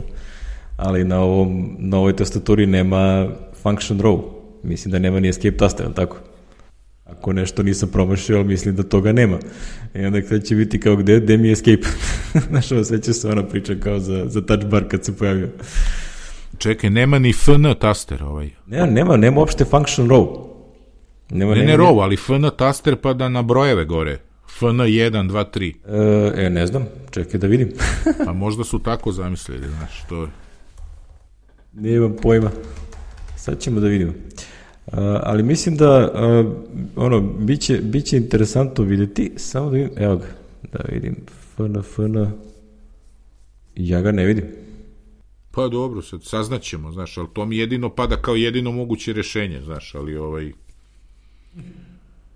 Čuj, ili ima command taster? ima, ima. A... E, pa command tačka ti je escape, samo da znaš, to je još iz vremena sistema 6. Command tačka. Ja sam to pominjao epizodu 4D dan danas kad, kad zaboraviš da staviš cancel dugme koje zatvara formu e, command tačka ti radi ono što se kaže u celom 4D-u kao escape, kao exit, tako da ovaj, mo, možda će tom logikom da idu.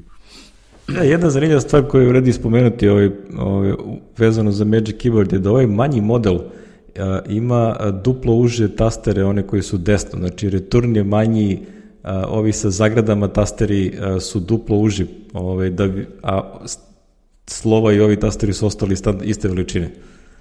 Ako pogledate slike između uh, Magic Keyboarda manjeg i većeg, ta što se primijeti da su ono, prosto suzili neke tastere da bi stali u taj form faktor. Znači, ono, kad si programer, to su jedne, ono, pogotovo, jel to, ajde Objective-C nekako, ali ovaj, vitičaste zagrade se koriste u svim ceovskim jezicima, tako da i u Swiftu se koristi i onda ovaj, bit će zanimljivo ljudi koji su navikli da kucaju na slepo da, da gađaju te tastere, ono koliko će njih promašivati to.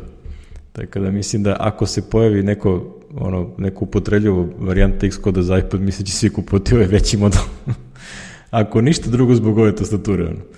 Mada ja realno, ako to bude funkcionisalo i radilo posao, ja ću verovatno koristiti neku Bluetooth eksternu tastaturu. Znači, ono, prosto, ovaj, kad mi treba iPad, ja ću ga koristiti kao iPad. A ovaj, ako kući sedim i koristim ga kao uređaj na kojem programiram, ovaj, verovatno ću imati neku ono full size tastaturu koju, ovaj, gde su svi tasteri, pogotovo ovi ovaj, strelice su mi jako bitne da budu full size tasteri, a ne ovi skrčeni na polovinu. To, od svih promjena na Apple-ovih tastatura, to je ono što me najviše ono, boli svaki put kad koristim ono, na, na laptopima. Znači, ono, ne mogu se navikti. Koliko puta sam promašio ono strelicu na gore, ovaj, ne, verovato bi bio milijarde da sam dosta to brojao. Znači, ono, daj mi cent za svaki put kad promašim strelicu na gore. to je...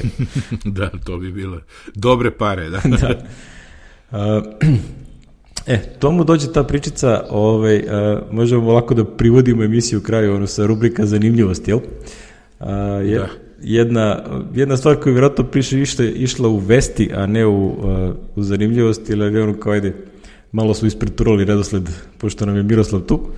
A, naslovi aplikacija sad je postoji na, na iOS-u. Da, moramo našeg drugara ovaj Mileusnu da reklamiramo, pa smo stavili ovaj ima novu verziju naslov iOS. Ja nisam ušao, pošto ne pratim, ne čitam vesti, ovaj, kako se zove tako, ovaj, pa nisam ušao i sad sam instalirao i ovaj, sviđa mi se mnogo, pogotovo što ono možeš da blokiraš izvore koji te ne interesuju, tipa... U, to je uh, odličan feature. Rahmetli B92 i ovaj, tako te, ove, znaš, čudne izvore gde ono ne, nećeš da čitaš novine, a on ima sve ove vuče RSS feedove, ovaj, Meni, ja sam se uvek divio tom njegovom sajtu ovaj, kako je uspeo sve to lepo da uklopi da uh, od tih feedova uh, sa drugih izvora na koje ne možeš da utičeš lepo uklopi to da možeš lepo da pratiš vesti tako da ovaj preporuka za vas koji pratite vesti ja ovaj ne, ali sam stavio ovo da imam kad mi nešto zatreba, jeli, da, da pročitam. Ovaj, tako. Ja isto A moramo, ne... pomogao, nam, pomogao je meni oko Mek Srbije jedno dva puta i tako i onda moramo da pohvalimo čoveka. Ovaj, ja nisam ni znao da se on bavi iOS programiranjem, tek sam sad shvatio. Nisam ni znao da ima naslovi net ranije aplikaciju. A, pa da on je imao je ranije Android aplikaciju i visi da je aplikacija kako se da se, se ispratio na Twitteru da je pisano u Flutteru. Pa je onda ono Aha, kompalirana za, za sve, tako da je a, mislim ono da što nije problem za ovu vrstu aplikacije zato što je to generalno ovaj, ono feed agregator. Tako da ono, znaš, tu, to je prirodno ide uz web, znaš, ono nije sad tu ne znam kakav native interfejs da, znaš, nije, da, da je neophodan. Ovo, ovaj, iskreno nisam probao, zato što ja vesti, ono, ovaj, potpuno sam isključio pristup vestima kod mene, ono, ne znam kako Miroslav se bori sa tim. ne znam, da, da, da li Miroslav koristi RS, RSS feed uopšte? ne, ne. Ja pratim ne. samo sport od vesti, ostalo ne čitam. I, ista situacija, znači ja ono kao otprilike pokušam da izbegnem sve moguće naslove koje mogu da izbegnem, ono, pogotovo kad vidim one, nećete verovati šta se desilo, odmah dobijem ospice i gasim. da, da, mislim, postalo je ono, nepotrebno da, da, da, da vidiš naslov uopšte. Da, ja, ranije dok se još negdje ono, izlazi iz kuće, ono, recimo kad sam išao napolje, onda ovaj, prođem pored kioska i onako skeniram šta ima na naslovima štampe i onda kao, uh, ajmo dalje, ne mogu ovo da gledam. Ajmo dalje. Ali dobro, ko, ko ovaj, prati vesti, ko ovaj, čita uh, naslovi, net je ono već institucija na domaćem tržištu, što se toga tiče. Ja znam masu ljudi koji ovaj, ne otvaraju nikad neki od tih uh, uh, sajtova direktno, nego ono kao skeniraju kroz naslove i onda ono kad tu nešto zanimljivo vide, ovaj, onda odu tamo. Dok, bar je to bila situacija dok nisu počeli ovi clickbait naslovi sad, ono kao prosto ni ne znaš o čemu se radi u tekstu, ono nego ono kao morate da vidite. Page ne moraš da otvoriš da bi pročito i onda shvatiš da je glupost, znaš, da nema ovaj... No da, često to... nema veze ni sa naslovom, znaš. Vrlo, vrlo često, nažalost. Znaš, ja imam neke ove, na, u Readeru pratim feed, to je ove Slovenačka dva neka, pa ima ekipa 24, to su sportske vesti slovenačke, znaš. Mm. I onda sam skoro sam ušao u Rider i ovaj i gledam i bio je naslovi no, no, Novak Đoković je nešto izjavio ovo ono i kao pogledajte šta a naslov je tako kao da je Nole nešto opet lupio da izvineš oko ovih a unutra ono jedna rečenica ne znam rekao je da zastavu na olimpijadi u Tokiju ne treba on da nosi nego Aha. pošto je moj Boža Maljković je to preneo Slovencima, oni prate Božu, Boža bio selektor košarkaške reprezentacije. Aha. Eto, to je vez. Znači, u suštini e, pozitivna po aktera, u ovom slučaju Novaka Đokovića, a naslov je u fazonu šta li je Nole lupio, daj da vidim, znaš, da ga pljujem. Jer da, to je, to je stvarno ono, da šta, taj, taj clickbait novinarstvo, meni to potpuno su, znači, ono, ljudi počinju da priču na takav način, to mi je, uh, Da, da, da, uđe, u, uđe u, u opštu kulturu, da. Ono. da. Što je veliki problem, veliki problem. E, tema što si lepo spomenuo opštu kulturu, pošto ovaj tvoj link što si stavio 108 Ovaj... To, je, to je Slobin link, samo da ti kažem, Slobin, Sloba je na Twitter. Sloba, da li mi je poslao na Twitter ili na, na, na Viber, ovaj, ne znam, pošto on nije na Faceu, pa tako, stvari koje bi inače išle na Face, on, on cepi meni na Viber. Aha. 108, 108 redkih i bizarnih tipova medija i kreće od onih prvih Edisonovih, onih, kako se zovu, ovaj, kako se zove, valjaka onih za reprodukciju da, neki zvuka. valjak, ono nešto sa, ovaj, koji se Pa sve do VHS-a, što, što ono, dokazuje koliko smo jeli materi, dobro, vas dvojica ste mlađi, ali ovaj, VHS, VHS je, je rare and bizarre. Da, to moj sin, ovaj, ne znam, kad je video Be Betamax kasetu gore kod sestre, ovaj, kad smo otvorili taj kredenac gde su bile LP ploče, pa ima još par Betamax kaseta, on je bio kao, a šta je ovo? ovo I onda sad, kako ja njemu da objasnim šta je to? ne. I onda još kako da kreneš i da mu objasniš da je VHS bio najgori od standarda, ja, ali da je pobedio zato što je pustio pustio je, on, nije public domain, ali je pustio ono, porno industrija ga je dočekala sa zadovoljstvom jer su smeli da snimaju trake, a nikom da ne plaćaju ovaj da ne plaćaju one, one licence. Da, ne moraju Sony da plaćaju za Betamaxa. da, da, što je Sony tražio i tako, i da je zato pobedio. A da je najbolji u stvari standard bio onaj Philipsov 2000 koji je ovaj, inicirao celu industriju i koji je pregažen ovaj. tako. E, a ovde, ovde mi je bilo posebno interesantno nešto što čak ni ja nisam znao kao matorac, jel ja trebalo bi, da je Apple pravio neki FileWire format e, floppy diska na 5 i četvrt disketama, koji je zaživeo samo u, u ono što se kaže na prototipovima Lize, jeli? I vrlo brzo je zamenjen 3,5 inčnim disketama ovaj, pa, pa, pa je mene to isto, kao ovaj, čovek je pomenuo to u ovom videu i onda je ovaj, posebno me je ovaj, inspirisalo da postavim link, jer eto, ni, čak, čak ni ja kao je, stari korisnik Meka to nisam znao. da, zanimljivo, zato ono kad pričamo o tim nekim starim ono, uh, uređajima, ne znam, Miroslav, ali se dešava nekada ne se pojavi neki raritet ono u servisu, nešto iz preistorije, ono. Pa zadnji put je bilo nešto, slali smo ga kod popa.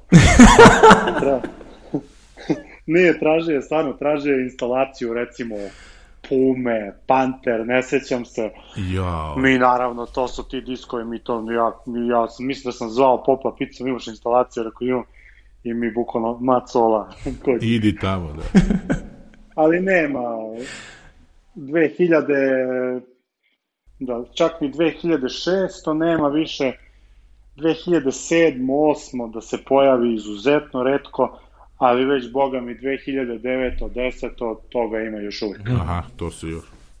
No, to su, to, ovo, to mi se čak ti, recimo, ono, MacBook, MacBook Pro isti godina mogu da se koriste, ono, kako su, recimo, baterije u ispravno stanju, mislim da te, ono, to što ima na njemu radit će, ono, ja mislim da sam imao, jedan sam držao kod klinaca, ono, MacBook Pro iz 2010. Ono, jedno što je baterija potpuno riknula, pa ovaj, radi samo uključenu struju. Ali, ono, funkcioniše. Ne, to su super, 2 puta 8 giga i SSD i bez problema radi ta mašina. Radi, radi, da. Radi, to su odlične, odlične mašine. Izdržljive, jeli.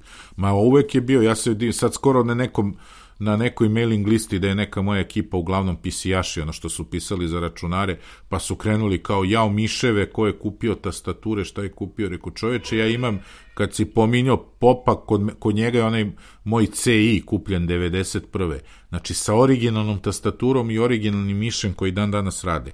Ja ne mogu ti opišem taj miš, koliko puta mi je pado sa stola, pa ostao da visi, pa to i dalje radi. Znaš, tako da ono, izdržljivosti. to je neverovatno, neverovatno šta su sve pravili, ona Saratoga, jeli, Apple, Apple, za mene najbolja tastatura ikada, za mene i za Grubera, jeli, Apple Extended Keyboard 2, ovaj, ADB tastatura, i tako, to je, ovaj, to su ti stariteti, A kad... je, i imamo je, hm? Reci, reci. Teo sam da nastavim s ovim linkom pa da krenemo da ovaj da još nešto pričamo što je izvan scenarija ako imamo vremena i tako. Imamo eh, prvi put follow up na In Memoriam, jeli, pa sam stavio link na, na ovaj Numberfill je ja ne znam šta oni dođu, oni imaju fenomenalne vide uh, na YouTube-u ove kako se zovu, snimke, jeli, videomaterijale sa raznim stvarima iz, iz matematike i vezano za brojeve, kombinatoriku i tako i ovaj i njihov video od pre par godina o igri života, je li Game of Life od Johna Conveya koji je John Conway objašnjava kako je došao od toga da napravi ovaj Game of Life. Da, ispostavilo se da je evo sad najnovije informacije od korone, je li? Aha. Ovaj, da, da, da je preminuo ipak od virusa i tako da ovaj to smo stavili u link, jeli greota bi bilo da... I pogledajte i druge ove video materijale, od, od, iz Numberfila ima, ne znam, ja sam gledao jedno, nisam mogu oči da odvojim ono Fibonaccijev niz i tako neke stvari objašnjavaju, znači fenomenalno, ovaj, fenomenalno. To je, to je to što smo stavili u ove, u, u beleške, što bi rekli, ili ti show notes, ovaj. E sad, šta ćemo dalje? Vidite, imamo pitanja za Miroslava raznorazne. Ovaj, ne znam da li, ne znam da li možeš javno da kažeš ono što si mi rekao za ono iPad, ono baterija 18.000, to je normalna to procedura. Je, čak smo, da, čak e, smo posle... Moje iPad Air 2, znaš, pa me to zainteresovalo, za, zar je moguće za tako stari iPad? Pazi, to je cena znaš, i za to... iPad Pro od 12,9 inča 2017-18. Ista je cena Aha. za sve modele. Aj, samo, samo rezimirajte o čemu se radi, pošto ja nisam bio da. u tom. Pričamo o tome da sam ja u prošloj epizodi pomenuo da ženi na iPad Air 2 ovaj, mu se gasi baterija ranije i da moj komšija sad menja te baterije. Ovo je isti što mi je kuglo laptop, a onda mi je Miroslav na Twitteru, ne znam, valjda u direct message da. si mi rekao da ovaj, maltene svaki iPad koji, koji na diagnostici se pokaže da da mu je baterija dovoljno oslabila, za 18.000 dinara dobiješ novi, pretpostavljam identičan. ovaj, kako se kaže, ovaj naj... Ne, novi, identičan. Identičan, dobiješ R2. Da, da. Ubre. Da, da. Uje, pa zar ima još R, ima, R2? Ima, ono, Apple je, mislim, po nekom zakonu Evropske unije dužan da 6 do 7 godina mora da ima lager delova i uređaja. I onda, Aha, nakon toga, oni to, to napuštaju, ono, obeleže kao vintage ili obsolete i prestaju da pružaju podršku tako da 6 do 7 godina, mm -hmm. mislim da čak i još e, ne može iPad 2 i 3 ne može, ali iPad četvorka može da se menji dalje. Mm -hmm. Zanimljivo. Interesantno, to je dobro. Dobro, ovaj moj iPad Pro ne bi prošao pošto je savijen od mog pada kad sam slomio nogu, tako da neću ni... Koliko je savijen? Da to ne može da prođe.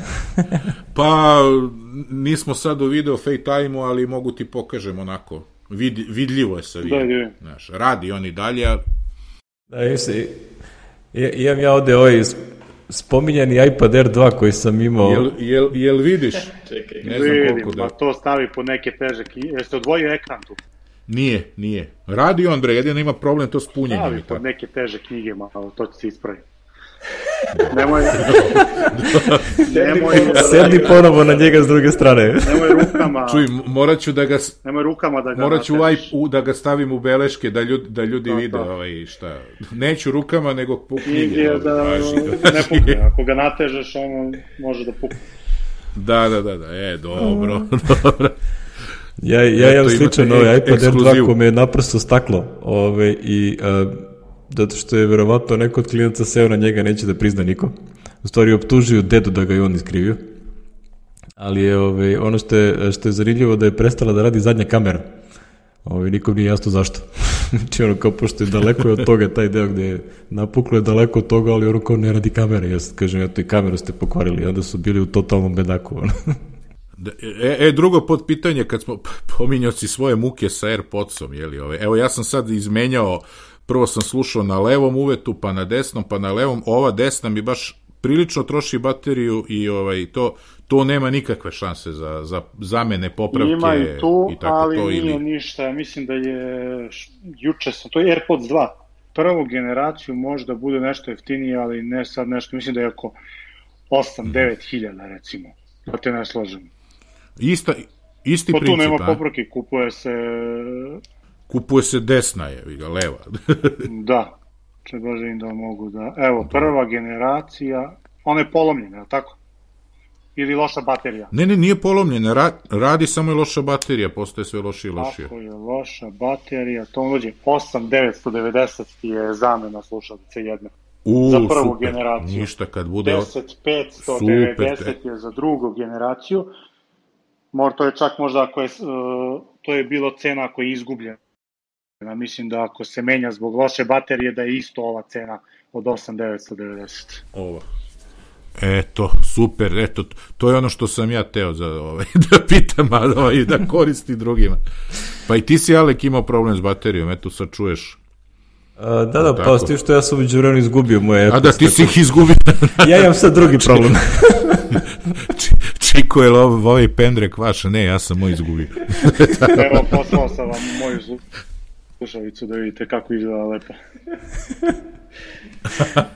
Dobro, sad, će, sad ćemo da vidimo ovaj. A, možeš da je staviš ono ovaj, na, na, u show notes. Šta se desi kad auto pređe preko, preko slušalice? Jao je. Ijo. ovaj dobro. Čuj, vadio sam, ja sam je nalazio uh, ovu kutiju Airpodsa, sam tražio ono, vraćao sam se po onom jedinom snegu što je pao ove godine. Ovaj, I to sam pomenio epizodu, da sam pao i da su mi ispala iz džepa mi kutija ispala. Pa sam našao. Ali nije na ulicu, nego na travu. Ja imam, ja imam taj bedak, ono, kad god odemo na kuponik, na, na skijanje, znači nešto od tih stvari će garant biti zaboravljeno i uvek ga jurimo da nam donesu. Ovi iz eh, nebeskih stolica. Znači, pre, preprošle godine uh, iPad mini smo zaboravili tamo, onda su ga ove, što čiste sobe ove žene su našle i onda su ovi to, ovi neki poznanik je bio ostao dan duže i onda nam je doneo to. A sad sam, ono, uh, jedino što, verovatno što se desilo sa, da je, smo potkačili ono sa, sa stola iPad, ovaj, ovaj AirPods kutijicu sa sve njima i da je to odletalo ispod kreveta ili negde tamo ispod nečega.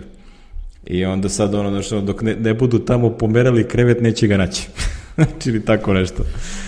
Čuj, to se meni, kad sam šeto Angie ovo u, u vreme, ovo što smemo od 11, prošle nedelje, mislim, i ovaj, vučem je na onom povodcu i krenuo sam, ono, sreo sam komšiju, pa sam skinuo AirPod, spakovao sam ih u kutiju i pričao s komšijom i onda kao, ajde, produžili mi i dok sam vraćao na uši, ona tako cimne onaj kako se zove, cimne onaj povodac da mi je ispala Airpods iz ruke i kako sam ja u tom trenutku iskoračavao levom nogom, padne mi, što bi rekli futbaleri, na volej i šutnem jedno pet metara u travu.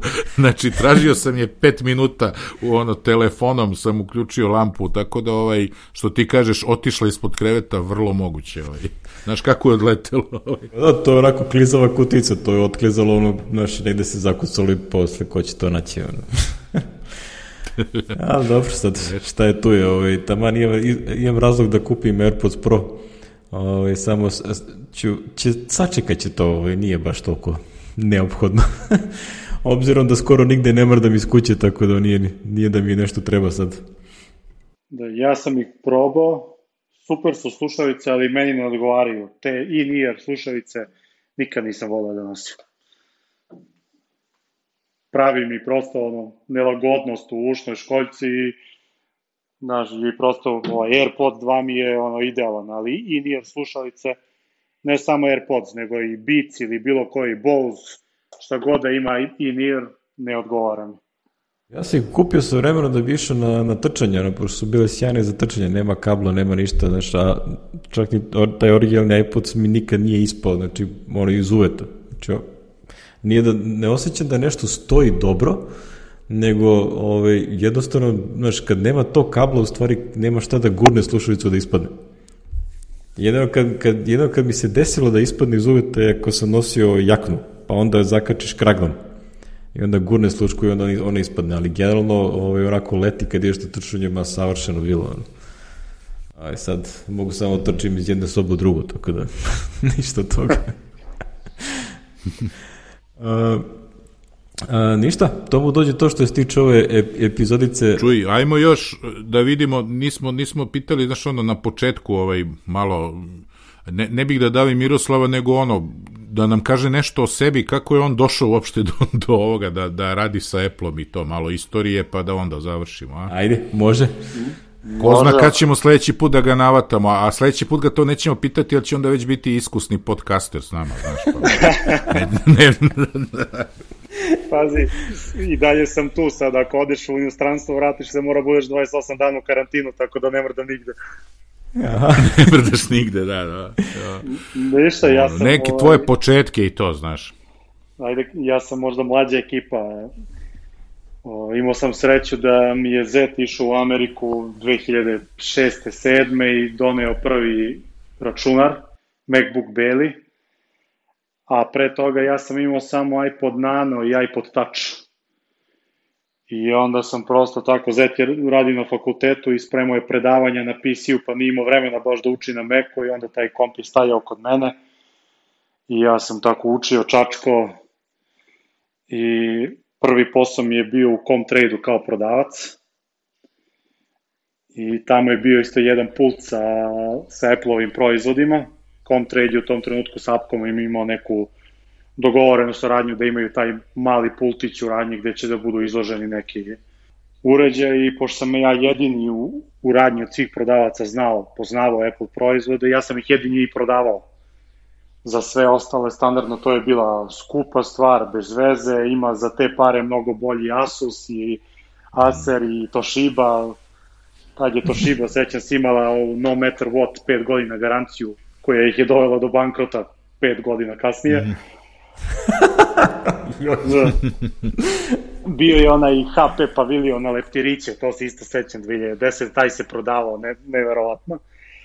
Ali, ovaj, kažem, pošto sam ja jedini znao u celom tom Comtrade shopu ušću u Apple, ja sam ga i prodavao i Comtrade je kad sam prodao sve poručio još, poručio sledeći kontingent. I tada je bila, moram da je spomenem, Olja Gaković, ona je bila u, u Apcomu zadužena za retailere i ona je došla u posetu da proveri šta se to dogodilo u Comtrade-u, kako to da su oni prodali bilo šta, zato što uglavnom ne prodaju uglavnom ne prodaju ništa, to prosto stoji tu kao ono, reklama.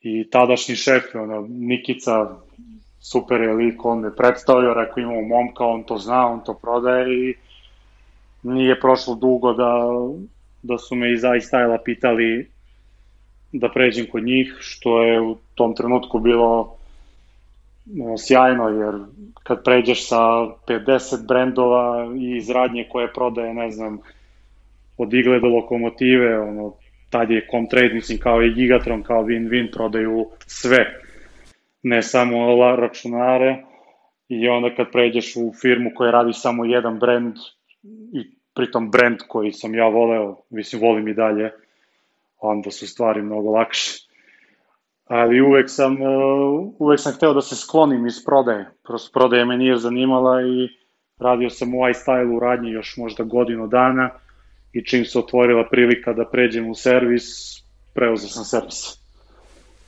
I on to je već ima 7-8 godina i stvari su se onda dalje odvijale, onda sam preuzeo i Makedoniju, pa sam dobio i Hrvatsku, tako da za sad mi je to region i super mi je, ono, volim to što radim i Kažeš, dobio si Hrvatsku i Makedoniju, ono, kao, ko je to u stvari, ono, kao regionalni sales manager, to, ono, držiš obuke ili kako to funkcioniše, ono? Pa, da, krem, pošto mi, naš interni, za naš interni sistem koristimo Salesforce. Mm -hmm. I onda sam ja prvi u firmi, ajde kažem, imao sam možda i viška vremena i nije bilo ni žene, ni dece u tom trenutku, pa sam ja preuzeo taj projekat integracije Salesforce-a u, mm -hmm. u te kompanijske procese. Salesforce nam je omogućio da imamo ono, bukvalno web modul, B2B modul, service modul, retail modul, call center modul, šta god smo hteli, prilagođavali smo.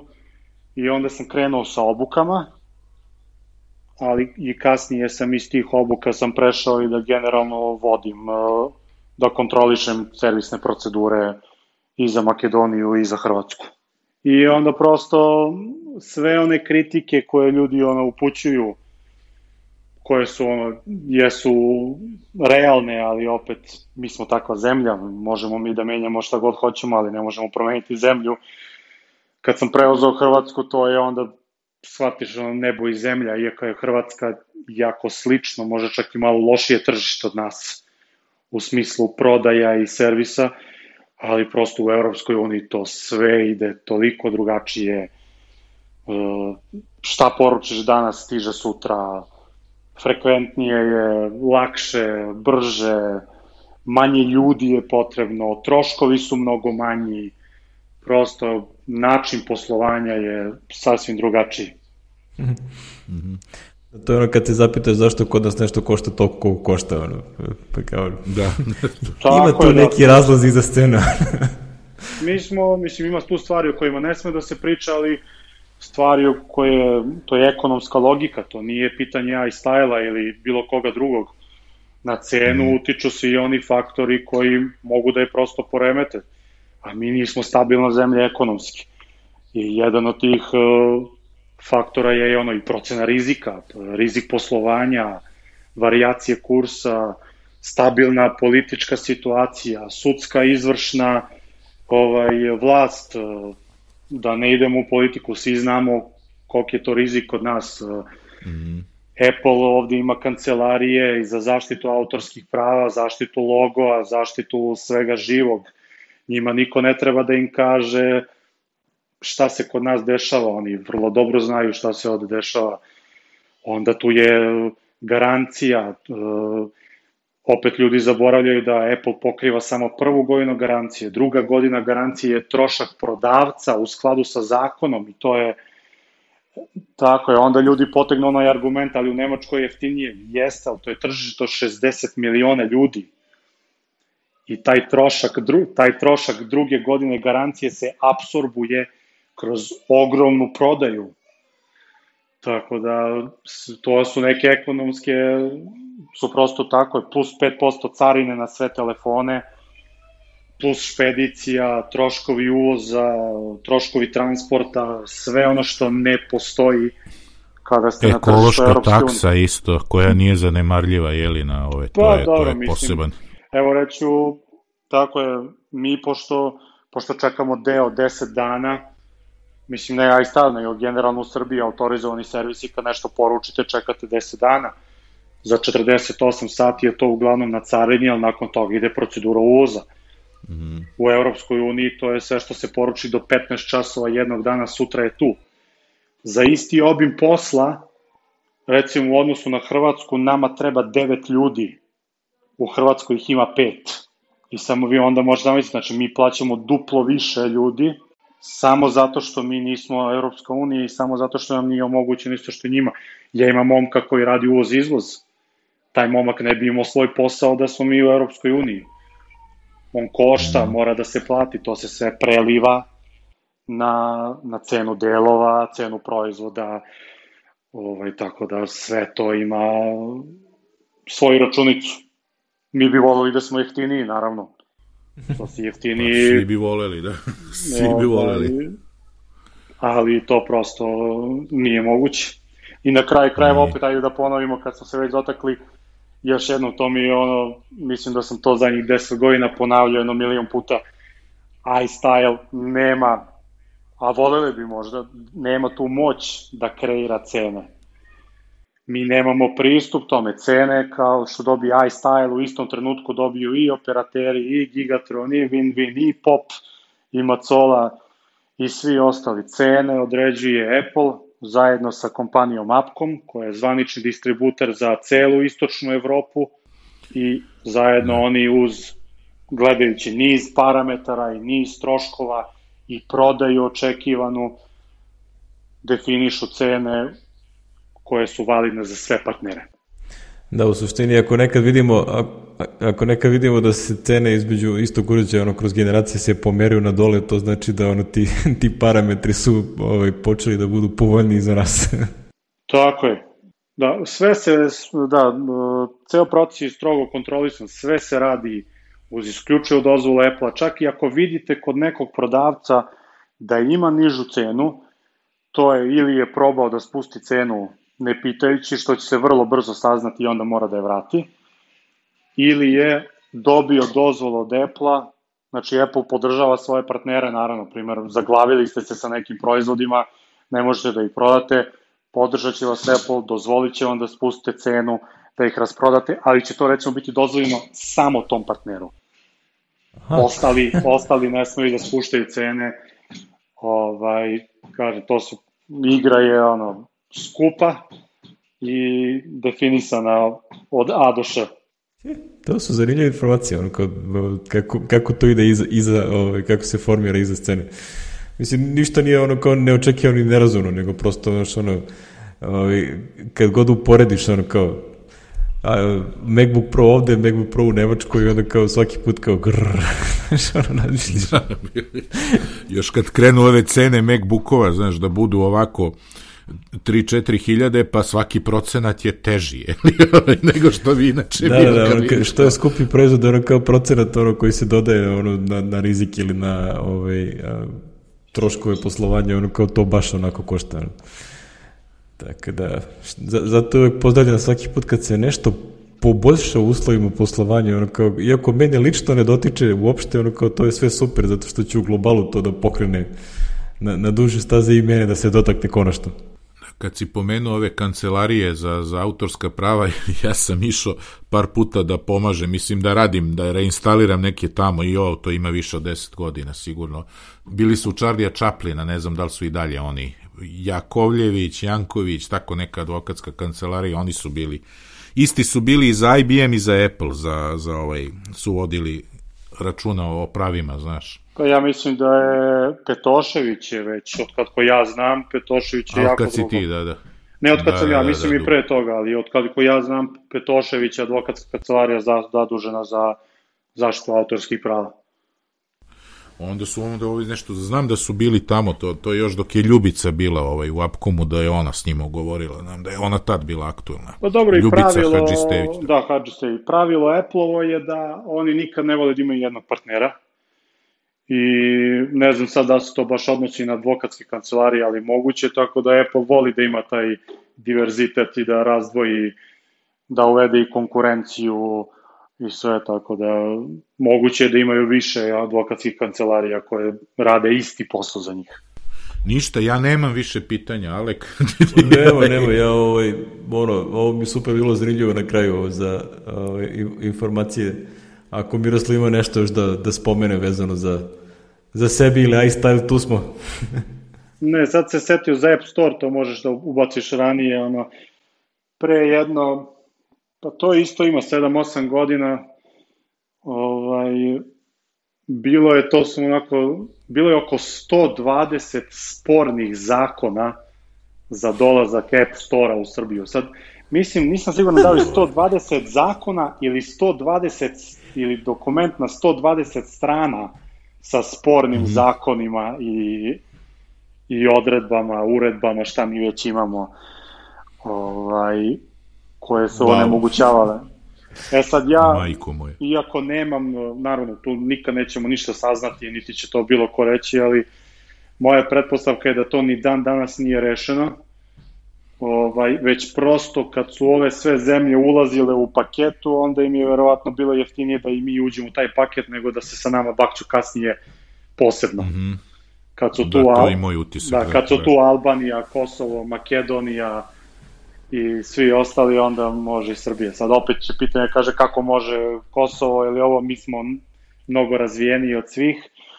Ovaj, ono što uvek kažem je da Apple vrlo dobro zna stanje na terenu. I nije dobro da mi, nije dovoljno da mi to našminkamo i da kažemo evo mi sad to imamo u zakonu. To ima i, ono sam rekao, sud, sudska, izvršna i zakonodavna, zakonodavna vlast, znači oni imaju izvršta agencija i advokatskih kancelarija, koliko je to primenjivo zaista u našoj zemlji.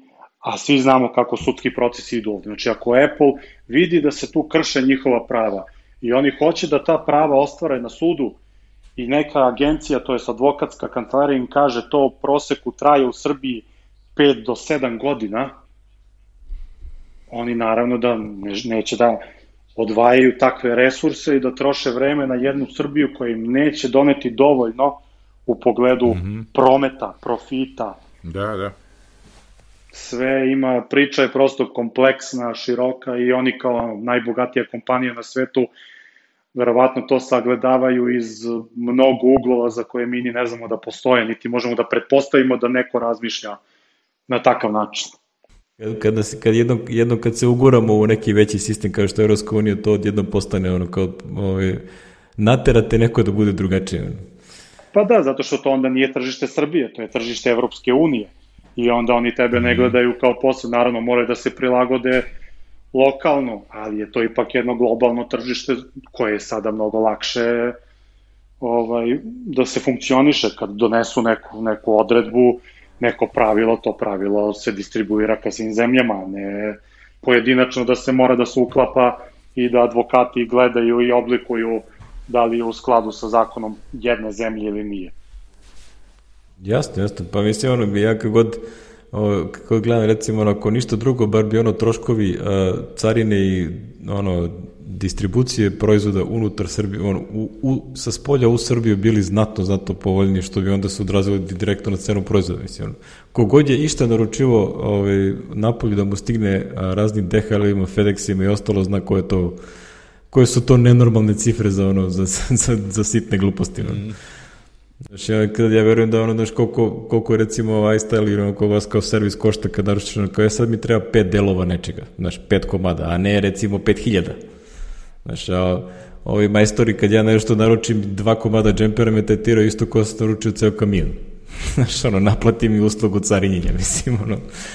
I onda verujem da sve te stvari ono kao imaju uticaje na, na, na finalnu cenu koju mi vidimo u zemlji. Da, ranije je bilo, sećam se, duše to se sredilo, ranije nam recimo fakture sa delovima nisu stizale u ispravnom obliku. I onda ti treba sedam dana da ti dođeš do nekog u Apple-u koji razume šta ti uopšte tražiš od njega. da, da. Kad ti njemu dođeš i kažeš, znate, naša carina traži da u gornjem levom uglu, sad karikiram, 3, 3 cm od margine stoji to i to. I on, ovako sad prvo ljudi dok mi dođemo do nekog ko što razume šta mi tražimo, kakva carina, kakva Srbija, ko ste vi, šta vi hoćete od nas. Ko ste vi? da, mi smo, poslali smo vam deo, poslali smo vam papirologiju i onda to, posle kad smo konačno došli do jedne osobe koja ono poznaje situaciju kod nas, onda smo svaki put kad te kontaktiramo mi onda pišemo odmah ime to, te osobe, kao prebaci nas na tu i tu osobu. Ali to su, to su sve muke koje ono moraju i kažemo onda sad kad odeš u Europsku uniju, kad imam iznutra pristup to kako to funkcioniše, to je pesma. Da, da, da, dobro, bit će valjda jednog dana ono. Da, ovo je prvi korak, stavljeni smo na mapu konačno, nadam se da će stvari odavde da idu sada lakše i, i brže naravno, Ako ništa drugo, bar sledeće dođe Apple Pay, ono kao to je, to je verovatno najizglednija stvar koja može se desiti da, da meni lično onako deluje da to ovaj, će verovatno prvo da se pojavi. Pa to je jedina stvar za koju su imali baš onako zvanične potvrde tih ljudi na relevantnim pozicijama. Bilo je ono i na ovom uh, srpskom Davosu, kako ga ja zovem na Koponiku, mm -hmm. i na Twitteru ja mislim jedna devojka žena iz uh, Mastercarda, ona ja mislim PR Mastercarda, ona je rekla mm. kao da se radi na tome i da možemo očekivati za Srbiju, znači nije naravno navela konkretne datume, ali je potvrdila jasno da, da će Srbija dobiti Pay. Mm. Što bi rekli, živi bili pa videli. da, živi da. bili pa videli. O, ništa, Miroslav, hvala ti puno na, na gostovanju, ono, mi ovaj, redovno te linkujemo ono, po, po raznim ovaj, emisijama, Pa, ovaj, što bi rekli, sad smo probili red, pa ćemo te zvati češće. hvala, da. hvala. Ove, ovaj, ništa, o, što se nas tiče, ostajemo da se zahvalimo našim ove, ovaj, što je sabratima ove, na putovanju, ove, sad već 129 epizoda. A, Aleksandar Ilić, autorki logoa, a, Saši Matilju, umetniku čije radove stavljamo na, za svaku epizodu, a, i Vladimir Tošić, autor uvodne muzike koju ja inače ovaj, čujem samo kad, ovaj, kad, pust, kad Miki pusti epizodu na, na, na feed, pošto inače ovaj, to ne puštamo je kad dok snimamo, to ide kasnije u produkciji. Moram da ti pošaljem ceo fajl sa celom kompozicijom. da, ja čujem onih prvih ono, nekoliko sekundi i posle toga ono, već kreće, kreće, ovaj, da. kreće priča. Ovaj, ba da seća se kad smo birali ono da ovaj, ta što da, ovaj, da, da, da smo ovaj, preslušavali razne varijante koje nam je Vladimir poslao. Da, da, nekoliko je bilo. To je bilo to što se tiče ovaj, nas, ovaj, mi vas, ovaj, nas trojica vas pozdravljamo, svaki sa trojica. svoje kote. Pozdrav svima, čujemo se u 130. epizodi. Ćao.